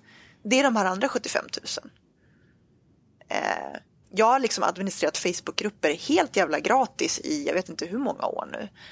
Och liksom, jag vet inte, jag tycker att det är, jag tycker det är magstarkt. Jag håller med dig. Jag tycker att det är, Ja. Det tog oss fyra år innan vi ens tog emot pengar för att vi faktiskt inte visste hur vi skulle förvalta pengarna. Eh, nej, det, jag tycker också det, det är jävligt magstarkt att bara plocka ut det, det första. Nej, inte det första, men de har ju funnits något år de också. Men när man väl men får de, in och, pengar. och det är inte ens för verksamheten Nej. som de har bevisat att de kan göra. Det är ju det också. Alltså, den, det de har visat som är bra, för det, det här har vi pratat om förut, att jag tycker inte att jag är här liksom en dålig grej, så att det är väl jättebra om folk kan liksom sprida lite eh, nätkärlek för att motverka näthat, även om jag tycker att det är lite äckligt. Jag skulle ju hellre näthata bort näthatarna, men Jag, jag tycker i och för sig att jag är här är dåligt. Eh, för att, inte för att de vill leva på staten, det, kan jag, det har jag full förståelse för, men jag, jag tycker att det är fjantigt bara. För det, det enda jag har sett av jag är här, det är att de kommer in och så spammar sin hashtag och sen är det några, någon minoritet av dem som försöker föra någon form av konstruktiv diskussion och till ingen nytta och till ingen glädje för någon. Och det enda de gör det är liksom, de försöker tanka en boss de inte har G nog att tanka. För då sen råkar de ut för de här jävla Gang Rape Sweden och Granskning Sverige, de här jävla psykopaterna som håller på och ringer hem till folk och hotar dem och beter sig illa. Och de kan inte hantera det. Och så blir det, så börjar de grina över det. Och då börjar idioterna på andra sidan, de börjar grina ännu högre. Och så det är bara en jävla, en, en karusell av grinande. Jag skulle, om, de kan pröjsa mig 40 000 i månaden. Jag har ändå sagt upp mig nu så jag kan ta det. Pröjsa mig 40 000 i månaden så kan jag lära de här 75 000 människorna hur man näthatar sönder folk. Så kan vi göra riktigt Jo, men alltså, faktiskt, men alltså, det, det jag tycker att de gör, för att det vi kan konstatera det är ju det här att, att den här Sverigevänliga idioterna är väldigt, väldigt bra på att mobilisera online på ett sätt som andra eh, politiska åskådningar inte är. Ehm, och så, på så vis så tycker jag faktiskt att det finns en poäng, även om det är liksom 100 personer som går in och stödlikar vettiga kommentarer, så visar det ändå på att liksom de här människorna, för det är de här människorna som sitter och tycker att de representerar folket. För de sitter i sin filterbubbla där de får bra sagt dagen och 15 miljarder stödlikes och ingen orkar ta diskussion med dem. Och det är liksom, på så vis kan det vara bra att det kommer in mängder med folk som sitter och liksom stödlikar eh, vettiga kommentarer. Där kan jag se en poäng, men jag ser ju inte hur det är värt 500 000 liksom. Nej, det är det ju verkligen inte. Och om det är det, då ska de pengarna gå till mig. Ja. Ska vi söka lite skattepengar åt dig Axel för att motverka Nej, näthat? för fan, jag är vuxen, jag har ett riktigt jobb. Ja, ja, ja. Jag är glad att jag slipper sitta och hålla på med skattepengar för det, det Ja. kommer Man bra. sätter sig i en så jävla knipa när man ska... Det, man öppnar upp sig för så många olika former av attacker om man, det man gör är skattefinansierat. För att då har, folk, då har folk faktiskt legitim anledning att klaga som fan om det Ja, man ställa gör bara är skit. liksom. Ja, absolut. It, it hurts with every heartbeat. It,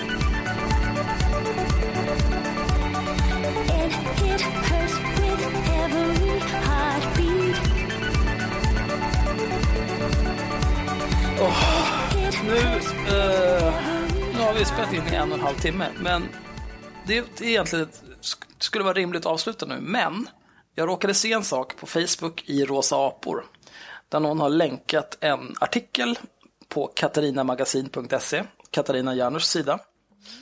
Eh, Och jag har inte läst den här artikeln, men jag tyckte att det var roligt när vi läste ett stycke i taget och sen pratade om det stycket och vad vi tyckte om det. Så jag tänker att vi avslutar idag med att läsa den här artikeln Som som ingen av oss vet någonting om. Ja. Eh, eller ni kan ju få en föraning om vad det kommer att handla om. Det är nämligen eh, Bianca Muratagic från Megafonerna som har skrivit den här. Bianca Muratagic arbetar som sångpedagog, konstnärlig ledare, konsertarrangör och sångerska. Hon driver sitt eget företag, musikskolans sångakademi Bianca i Uppsala. Ja, det där har vi hört förut och gått igenom att det är lite roligt att det är ingen som säger att hon liksom är, även jobbar för megafonerna som är någon sorts höger, halvt högerextrem opinionsbildande eh, verksamhet. Nazistkramare. Eh, ja. Nej, men det är bra. Vi läser och ser vad det här kan vara för spännande. Rubriken är Hyckleriet i metoo står mig upp i halsen. Det är klart att det gör det, Bianca. Åh, får jag gissa? Får jag gissa innan vi läser något mer? Får jag gissa? Kan vi gissa vad det handlar om? Eh, jag gissar att eh, det är... s- det, det kan vara... Hyckleriet är säkert i någon grupp som är utlämnad. Nej, nej jag tror det, det är- här. det är säkert, jag tror att det är concern trolling om typ kvinnor som förtrycks av eh, muslimer. Ja, precis. Jag tror så här. Jag tror att det är så här. Ni klagar inte när somalier gruppvåldtar folk, men ni tycker att det är jättehemskt när en svensk man har, har skickat ett snuskigt sms. Så tror jag att Ja, det här är, det här är Bianca Muratagic kommer white knighta vita män och försöka skifta fokus till typ någon form av svartskallar. Mm. Förmodligen muslimer. det är min gissning. Okej, let's Ja. go. Henrik, har du någon, någonting du vill tillägga? Jag, jag, ställer, mig- jag ställer mig helt bakom den gissningen. Ja. Jag har inte läst den här texten jag heller. Nej. Men jag var exakt det jag tänkte på att det skulle handla om. Så att, ja, ja, Ska vi, ja. Då får vi se här hur förutsägbar den här Nassahaggan är. tar vi ingressen. Idag när radikala feminister skriker sig hesa på metoo-demonstrationen vill jag att de även ska tänka på sin egen öronbedövande tystnad, astronomiska hyckleri och vidriga förtryck och diskriminering de utövar mot kvinnor som inte är godkända i deras självgoda gemenskap. Det skriver idag Katarina Magasins krönikör Bianca Muratagic. Ja, jag vill börja med att eh, diskutera meningsuppbyggnaden. För det är det mest kränkande med det här. Ja, Eh, vi tar här mot slutet. Sin egen öronbedövade tystnad, komma, sitt astronomiska hyckleri, komma, vidriga förtryck och diskriminering. Man har inte och vidriga förtryck och diskriminering, man har och. Det är det sista. Det är det sista. Eh, Det är också skillnad på sin och sitt. Sen är jag nöjd med den. Och sen metoo-demonstration, jag vet inte, har det varit någon demonstration verkligen? ja, det har det. Har det? Idag har det. Ja, idag klockan 11 var det på Sergels torg. Ja. Ja, skit i det, kör på. Ja, den här är publicerad klockan 11 idag. Så att det är väl säkert kul att hon kunde se in i framtiden vad det skulle handla om där. Det är flera saker som jag inte kan sluta grubbla över och som jag vill att ni ska tänka på resten av era liv. Oj, det var lång tid. När kändisprofiler och offentliga personer trädde fram med berättelser om sexuella ofredanden är ni blixtsnabba med att organisera en demonstration mot dem ni kallar för vita cis-män. Ni hatar dessa vita män och fotbollshuliganer är det värsta ni vet. What? Sedan galopperar ni mot patriarkatet i Stockholms tryggaste områden. Men de segregerade utsatta områden verkar inte existera i er politiskt korrekta och ädla privilegierade värld. Inte heller kvinnor som bor i dessa. Ja, okej. Det, det, första delen här var ju bara rappakalja. Eh, men sen sista meningen, två sista meningarna, då kommer vi in på vad jag antar är att vi får rätt i vår förutsägelse om vad den här texten skulle handla om. Ska vi köra vidare eller har ni? Ja, kör, kör, kör, kör. Ja. Kör. Ja. Ja, här kommer det. Herregud alltså. Aldrig någonsin har ni höjt er röst, visat solidaritet för era systrar i förorten. Aldrig någonsin har jag sett er kämpa för deras rättigheter eller stå vid deras sida. Aldrig någonsin har ni tagit ställningen eller organiserat en demonstration för kvinnor som trakasseras, förföljs och mordhotas för deras klädval, livsstil och religion i förorterna eller på asylboenden. Ni kämpar inte för deras rättigheter? Frågetecken av outgrundlig anledning. Är kvinnor med invandrarbakgrund mindre värda i era ögon? Eh, alltså, det, det finns väl ganska många organisationer som är engagerade i, i, i specifikt eh, kvinnofrågor i förorten. Alltså den här retoriken, jag, alltså jag kan ju bara känna så här också. Att den här, för att det, det finns ju en poäng i att det har funnits och kanske finns till viss del en beröringsskräck när det kommer till eh, till exempel homofobi eller kvinnoförtryck inom till exempel islam kan vi säga då till exempel. För att det är det hon är ute efter när hon pratar om förorten. Men okej, men vi säger i förorten. Men det här, den här beröringsskräcken hade ju inte behövt finnas om det inte hade funnits en massa rassar som liksom tog monopol på frågan heller. Eh, jag har ju varit inne på men- det här det liksom ju- någon gång tidigare. att om man nu faktiskt, om man nu vet, se att man nu är liksom, du är SD-röstare och du är frustrerad över att man inte pratar om invandrarbrottslighet eller vad fan som helst. Ja, men det kanske inte skulle vara så att liksom ingen annan vågade ta i frågan om det inte var så att alla jävla högljudda rassar hade tagit patent på att prata om det. Och att det var det enda de pratade Ja. om hela tiden. Eh, men där har ju också, i, jag skulle säga att vänstern har en viss skuld i det också. För att det, det finns ju liksom idioter i alla läger. Sen att de är överrepresenterade bland Sverigedemokrater och den typen av pack. Det är en annan sak. Men, men det, det finns ju rosa apor, där, där jag hittade den här i ett strålande exempel. Där skulle de ju aldrig någonsin kunna eh, jag har ju sett diskussioner där, alltså så fort det är någonting där, man, där det är någon som försöker prata om så här, det kanske är lite problematiskt med de här uttrycken av eh, muslimsk kultur.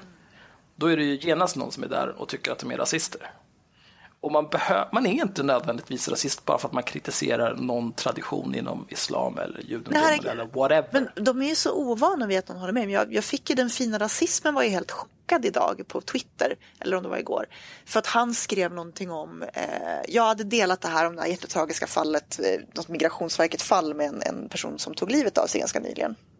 För att han skulle utvisas till Afghanistan. Eh, och då skriver typ den fina rasismen, ja men du klagar ju inte när eh, sådana som inte har uppehållstillstånd begår brott och våldtäkter och inte utvisas. Så jag bara, nej men fast det är väl klart att det och jag bara, men det är väl klart att det är skitdumt. Det är, det är ett uttryck för samma systemfel som har lett till det här tragiska liksom. Eller underbemanning eller vad det nu är. Och då blir han så här skitchockad för att jag håller med honom. Det är så här, förväntar du dig att jag ska sitta och försvara våldtäktsmän som inte blir straffade? Liksom, det är ingen som gör det. varför skulle man göra det? Det är helt absurt. Ja. Man skulle, jag tänkte på en sak när du läste det här. Eh, Man skulle ju kunna säga så här. eh, Det finns ju en poäng i att eh, det har ju funnits ett, ett x antal sådana här balkongfall. Och man skulle ju kunna då resonera, för hur kommer det sig att vi inte arrangerar en stor jävla demonstration kring ett sånt fall? Alltså jag kan ju säga varför i- jag inte gjort det, till exempel. Alltså, så här, vi, vi, hade ju faktiskt, vi hade ju faktiskt hedersvåldsdiskussionerna inte så jävla länge sedan. Eh, Nej, det, det var ganska stora demonstrationer det. eh, men, men alltså, klimatet har ju blivit mycket mer ohållbart på senaste tiden. Alltså både från rassehåll, att jag bara, jag vill inte liksom... Det finns två, två main anledningar till att jag inte skulle arrangera en demonstration som skulle eh, stå upp för, för, för liksom invandrarkvinnor i förorten. Ett är så här, det skulle dra dit en jävla massa rassar som skulle komma dit och på något sätt godhetssignalera. Och det är inte jag intresserad av. Två, Gud, jag skulle få så jävla mycket kritik från vissa håll om jag som vit kvinna gick in och började liksom, eh, så här, arrangera saker åt invandrarkvinnor. Ja, fast jag skulle, jag tycker, nej, jag skulle kunna arrangera eller stå på en sån demonstration utan Ja, men du, problem. är ju, du har ju också fått extremt mycket kritik för att du... Nej, men jag skiter fullständigt rätt ska väl vara rätt. Ja, ja jag men alltså stå, jag ja. står på en sån, jag skulle kunna gå på en sån Nej, jag demonstration. skulle kunna arrangera en sån också nu när jag satt och tänkte efter. Varför inte? Det skulle vara ett jävla... Ska vi göra det? Ja, Ja, vi gör det. Jag tycker att vi gör det. ja, det vore Så kan jävligt roligt. Vi gör det. Nej, men för jag har faktiskt diskuterat det här med, jag diskuterade det här senast typ, när jag träffade bilen. Eh, så diskuterade jag att jag tycker att det är skit, alltså jag skulle jättegärna liksom prata om så här sexism och liksom att jobba med att stärka liksom kvinnor som kommer hit. Det var ju sådana organisationer som inte fick pris för att jag är här fick pris eh, på Faktumgalan. Som faktiskt jobbade med att, eh, det, det var alltså en, en organisation av, som jag fattar av invandrarkvinnor som, som hjälpte till att fixa jobb åt invandrarkvinnor och flyktingkvinnor. Fick, fick jag är här pris över det? Ja. Nej, men, Och kom en igen! kronor eller vad det var. Nej, mycket- va- nej, nej. De fick hundra. Men de fick ju pengar. Var, var det 100 000 bara? Ja, det kanske inte var så mycket förresten. Ja, det är ju knappt Eh. två månadslöner. Men alltså, det, och det, var ju, det är annan grej som är lite provocerande. Men en sån grej är ju skitbra eh, att göra. Men jag kanske inte liksom, jag kanske skulle känna att jag var lite out of my depth om jag försökte starta en sån grej. För jag har inte den insynen liksom. Ja, men nu har vi kommit överens om att vi tre ska Ja. försöka anordna något. Vi- Vi, vi får väl ta in, Ja. vi, vi får hitta någon konsult. Ja, Mm. vi läser vidare. Inte, jag, har, jag har inte varit i förorten på flera årtionden, jag vet inte. Ja, men vi fortsätter här. Fortsätt. Aldrig någonsin har ni tagit ställning, uttalat er eller organiserat en demonstration mot Bakabasi gruppvåldtäkter. Det vet jag inte vad det är, men det är gruppvåldtäkter av något slag och sexuella utnyttjanden av pojkar och män, Taharushka Mea-gruppbaserat sexuellt våld och trakasserier mot flickor och kvinnor som sker på offentliga platser som festivaler, torg, badhall samt hedersförtryck, hedersmord och helt herregud! Kan någon lära henne att strukturera en mening? Redan här har hon ju fel för att det var ju jättemycket struktur, alltså det var jättemycket demonstrationer mot hedersvåld och hedersförtryck. Det var en jättestor offentlig debatt om det som ledde till att vi fick en annan lagstiftning bland annat. Så det är bullshit, hon har väl bara inte... Ja, reaktion. Nej, men det är klart att det är skitsnack. Alltså hon, hon försöker ju bara trigga folk. Det är därför hon staplar det här. Bashi Gabasi, gruppvåldtäkter, sexuellt utnyttjande, Tarushka med gruppbaserat sexuellt våld, trakasserier, flyktingar, offentliga platser, festivaler, torg, badhallar, hedersförtryck, hedersmord, hedersvåld. Bla, bla, bla, bla, bla. Hon försöker bara mata in så många Men- triggerord som möjligt en- för att hon en- vet vilken, vilken publik hon har. Men sen har jag också en till fråga. På vilket sätt omfattas inte de här grejerna av metoo till exempel? Alltså på Ja, vilket, är hur, hur, hur exkluderas de av det? Det gör de ju inte. Nej. Alltså det är ingen som säger att du kan inte, du får inte vara med och skriva i metoo om du blivit gruppvåldtagen. Det är väl inget, alltså, Jag tror att hon syftar väl snarare på att de som syns mest, typ Cissi Wallin och sådär. ja men det Att är det, också... att det främst är eh, vita kvinnor som troligtvis inte är uppvuxna i Rinkeby som, Mm. som syns mest på Twitter. Liksom. Ja, ja, men och då, då, Och då tittar man ju liksom på ett strukturellt problem där det överhuvudtaget är ganska homogent i media-Sverige.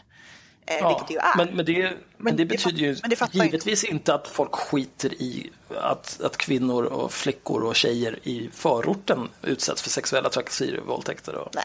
all möjlig jävla skit.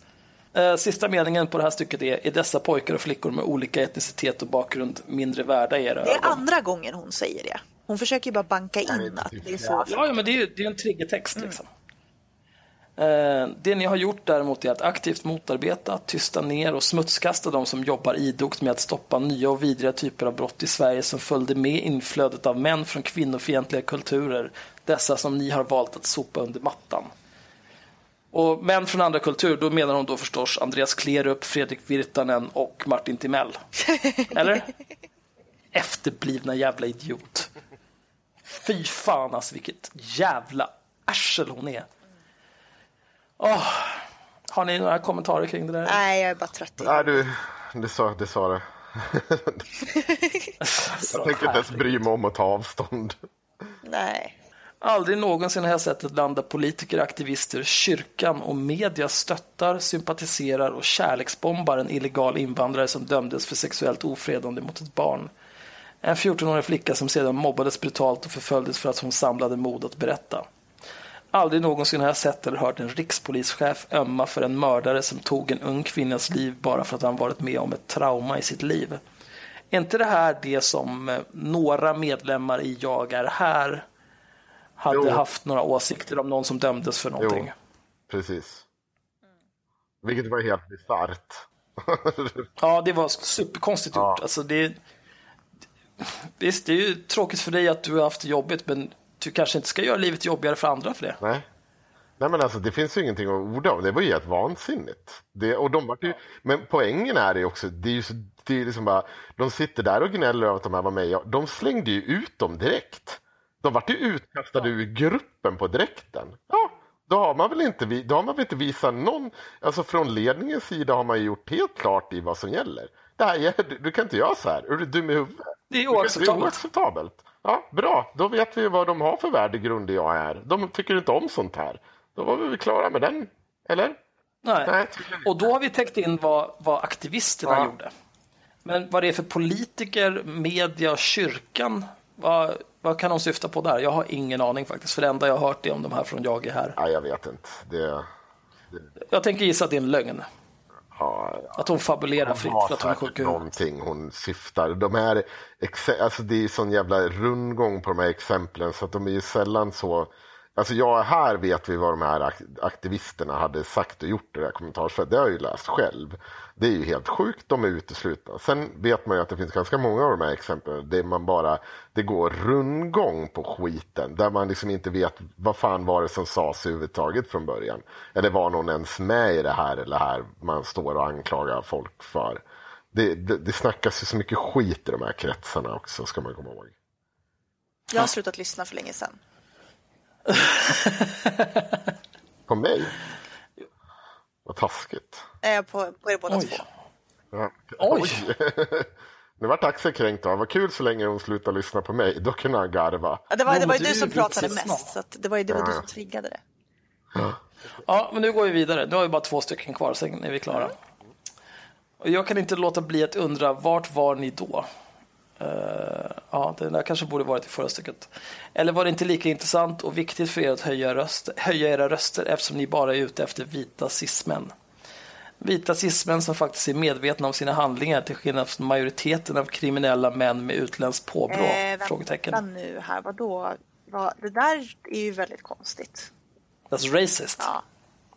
Det var det. Och då säger hon att, att vita män är mer kompetenta. Nej, det, är ju, det är ju en fråga. Vita cismän som faktiskt är medvetna om sina handlingar, komma, till skillnad från majoriteten av kriminella män med utländskt påbrå? Frågetecken. Det, jag, jag skulle säga så här. Eh, hennes, hennes grepp om språket gör att den där frågan inte betyder någonting, men jag är övertygad om att intentionen är rasistisk. Ja, alltså det hon säger är väl liksom, det, det hon faktiskt säger är väl att vita män förstår att de gör fel, men det gör inte män från andra kulturer. Nej, de vet inte Nej, bättre. de vet inte bättre. Menar ni att det är deras traumatiska bakgrund som driver dem till att begå vidriga brott medan vita män gör det för att de vill utöva makt samt förtrycka kvinnor? Frågetecken. Alltså det här, hela den här Nu- texten så, så tillskriver hon ju dem en massa tankar och intentioner och saker. Hon skriver inte vad hon själv tycker. Nej, men hon tycker ju ingenting. Hon, triggar, hon vill ju bara trigga. Menar ni att vi ska ursäkta, visa förståelse och stöd för män med utländsk bakgrund som begår grova brott som våldtäkt mot barn? Ja, jo, bra. Skönt att du fick med barnknullande där också. Det var det som saknades i den första jävla triggervisan. Oh. Menar ni att vi ska ursäkta, visa förståelse och stöd för män med utländsk bakgrund som begår grova brott som våldtäkt mot barn, men gå i taket när en vit cismans ben råkar nudda ditt på tunnelbana? Gör ni skillnad på sexbrottslingar?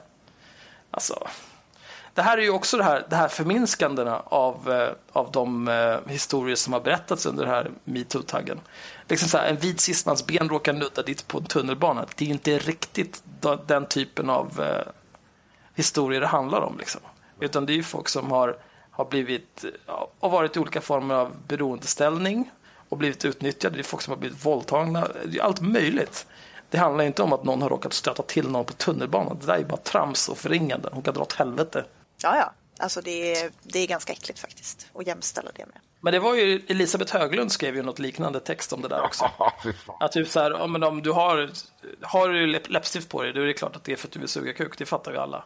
Det var ju den nivån. Liksom. Det var ju helt CP.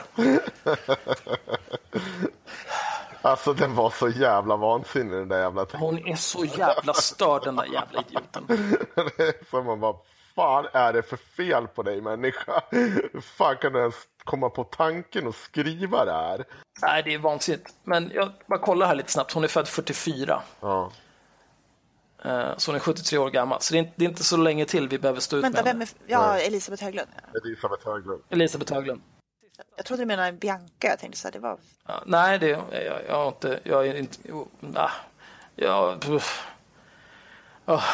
Jag blir alldeles matt av att läsa den här jävla Men skittexten. det tar Alltså. i huvudet. Det går ju fan, kan ju fan inte skriva. Nej, alltså man, man tycker ju Katarina kan väl för fan korrekturläsa det här innan hon publicerar Men det tar ju tid. Hon är ju det tar ju tid från att, inte fan vet jag vad hon gör resten av dagarna. Ja, du, jag kan berätta vad hon gör. Hon har fan skrivit två långa stycken här nedanför den här texten om att folk borde swisha till henne, sätta in pengar på hennes direktkonto eller bli Patreon. Om man vill göra internationella betalningar så har hon IBAN och BIC där också. Det är bra. Och så sina böcker här vid sidan om i olika... Ja, det är fantastiskt. Degen ska in, hörni. Nu tar vi sista stycket, sen går vi och skjuter oss själva i huvudet. Ni fryser ut, hånar och mobbar offer! Utropstecken. Ni tillåter inte kvinnor som samlade mod för att berätta om sina traumatiska upplevelser delta på er organisation PGA deras politiska bakgrund? Frågetecken, utropstecken. Ni rättfärdigar er mobbning genom att stämpla och döma dessa kvinnor som rasister? Frågetecken. Ni som predikar om allas lika värde, jämlikhet och medmänsklighet förtrycker andra kvinnor, PGA era personliga övertygelse, känslor, ideologi och principer. Ni låter dessa gå före offer! Utropstecken. Dessutom så försvarar ni det och gör offer av er när någon ifrågasätter och kritiserar er radikalism, rasism och diskriminering samtidigt som ni anklagar andra. Alltså, det är så vedervärdig jävla ordsallad. Det är helt obegripligt det här. Och så hon avslutar med, vad håller ni på med? Ja, jag vet inte. Jag, Inte Jag, jag vill veta vem som har utestängt. Alltså, nej, det är så jävla dumt. Jag, tänker, jag kan inte... Jo, jag vet vad hon menar. Hon menar att det var någon sverigedemokrat som inte fick vara med i och tala i eh, Uppsala på eh, den metoo-grejen. Ja, men, alltså, men då kan vi, om vi ska säga, ja, men då kan vi snacka Hanna Wig. Liksom. Hur mycket stöd fick Hanna Wig av Sverigedemokrater? Ja, typ inget alls. Nej, men, nej, men det, hon, det är en annan sak. Ja, Mia. såklart. Förlåt. Nu, jag, nu, nu förväntar jag mig någon sorts logik igen. Ja, nej, fan. Sluta. Sluta tänk som om saker och ting. Åh, du är så... Ibland funderar jag på hur fan du ens fick jobb på IRM. Ja, men jag kan ju söka jobb och jag är här istället och ta ut 40 lax. Så du kan ju dra åt helvete. Jag börjar också fundera på om jag ska söka jobb där. Det här var skenhel hela jävla dagen. ja, jag, nej, jag vill inte jobba med sånt där. Nej, men eh, Axel, du är ju också svart. Vi har en grej med... Ah, Alltså, vi har en grej med... Vi, vi händer anställer... Det, ja, lång historia, men vi kan ta den någon annan gång över en öl. Ja. Det var någonting rasistiskt nu. Jag, jag, Ja, jag, inte, jag lyssnar inte. Så att, eh, Jag tror det. Nej, jag vet inte, jag, min hjärna håller fan på att smälta efter den. Men som jag sa, jag tycker fortfarande att vi ska donera en dollar i månaden till Katarina Janouch. Ni ser ju här vilken... Det här blev ju liksom en kvart podd av det här. Då tycker jag att hon är värd en krona. Eller åtta. Nej, men visst, eller hon kan ju få en liten- står i. Hon, hon har 34 patrons som hon får in 200 dollar i månaden. Rebecca Weidmo Uvell, Uvell har, eh, jag vet inte hur många hon hade, men hon får in 390 dollar i månaden. Så det går ju bra det här. Vi är uppe i 48 nu. Det är någon sjuk jävel som... Det är ju fan inte bra alltså. Folk tycker inte om oss. Nej. Hur fan kan vi få... Alltså, en Uvell? Men Uvell, det fattar hur många följare. Uvell har på Twitter andra sidan jämfört med hur många... Hon har ju en mycket större publik. Så det är inte så konstigt. Jag blir fortfarande lite kränkt, känner jag. Ja, men nu ska vi ju snart lotta ut eh, regnbågskatts face shielden bland våra patrons. Så det, då kommer vi ju ha liksom 100 000 patrons alldeles strax. Ja, det är sant. Eh, det gör vi eh, ja just det, jag har precis beställt dem, men det tar väl typ två veckor när jag får dem. Så någon gång i början av nästa månad så skickar jag ett meddelande till någon på Patreon som har vunnit eh, kanske årets julklapp. De är väldigt fina. Det finns ju en, en väldigt... Vi la ju ut en, en gruppbild med dem där på vår Facebook-sida. Ja, just det. Och är man Patreon då får man ju också tillgång till allt exklusivt Patreon-material som i nuläget är ingenting. För Erik har fortfarande inte klippt klart det där avsnittet. Han klippte ett samtal, sen blev han less. Tror ni han har slutat lyssna på oss? Ja, han har Alltså, slutat bry sig helt. Helt- fullständigt bara, nej, nej, vet du vad, det är nog bäst att jag inte lyssnar på det här. Jag blir bara mobbad. Men förr eller senare så kommer väl det där upp. Eh, Ja, skönt. Myra, du kanske ska, kanske ska klippa lite imorgon medan jag och Henrik är på jobbet och bär samhället. Ja, alltså jag får ju inte, Men jag får inte inte ut säga 40 000 från IRM så att det är väl bara att sluta jobba. Varför ska jag, varför ska jag ens jobba när jag inte får ut 40 000? Nej, det finns ingen anledning. Jag får fan inte heller 40 000. Nej, De där jävla hamnarbetarna i Hamnfyran, de däremot, 50 lax har de. Ja, visst. fan vad bra med cash de tjänar. Men det där är ju kul. Eh, Alltså, det är ju med typ alla deras tillägg. Ja, Det är ju inte lön, det är inkomst. greja. Det är, alltså de där jävla liberalerna de fattar ju ingenting. Så jävla äckliga i huvudet. Åh gud, jag vet inte vem jag är längre. Nu har vi en timme 55 minuter. vara Det får fan vara nog. Ska vi gå och spela Eh, nu? Nej, vi ska inte spela WoW. Nu ska vi gå och lägga oss Henrik. Klockan är fan halv tolv. Ja, Jag vet. Jag måste gå upp i tid, men jag vill spela WoW. Ja, jag vill också spela WoW. jag vill spela WoW tills jag inte orkar mer. Och då vill jag gå och lägga mig. Sen vill jag vakna imorgon, gå upp, bajsa, sätta på kaffe, sätta mig och spela WoW tills jag inte orkar mer. Jag känner redan nu alltså, här kommer det, här kommer heroinet. Jag känner så här, jag skulle kunna, jag skulle kunna sjuka mig hela veckan. Då tar vi spela WoW. 110 på tisdag. Sen är det bara att börja pumpa mythics. Men eh, jag och Henrik, ja, alltså, vi ska ju åka till Wien. Så det Ja. går ju inte. Nej. Och gud, jag kommer inte kunna spela när ni är borta. Wow. Men... ehm, ja, nej, vi, vi, vi löser det. Ja. ja, det blir säkert bra. Men du, ja, äh, nu, nu, nu, nu räcker det. Nu lägger vi ner det. Oj, vad var det där för något? Vi måste ha lite ljudeffekter med. Det, här? ja, men det här låter ju som att vi är på någon slags Ja, bögporr. jag gillar det här. Ja, det är, det, är, det är ungefär det vi är när vi spelar in på. Absolut. Ja, nu räcker det. Jesus Christ, du var lite kul. Nu, nu.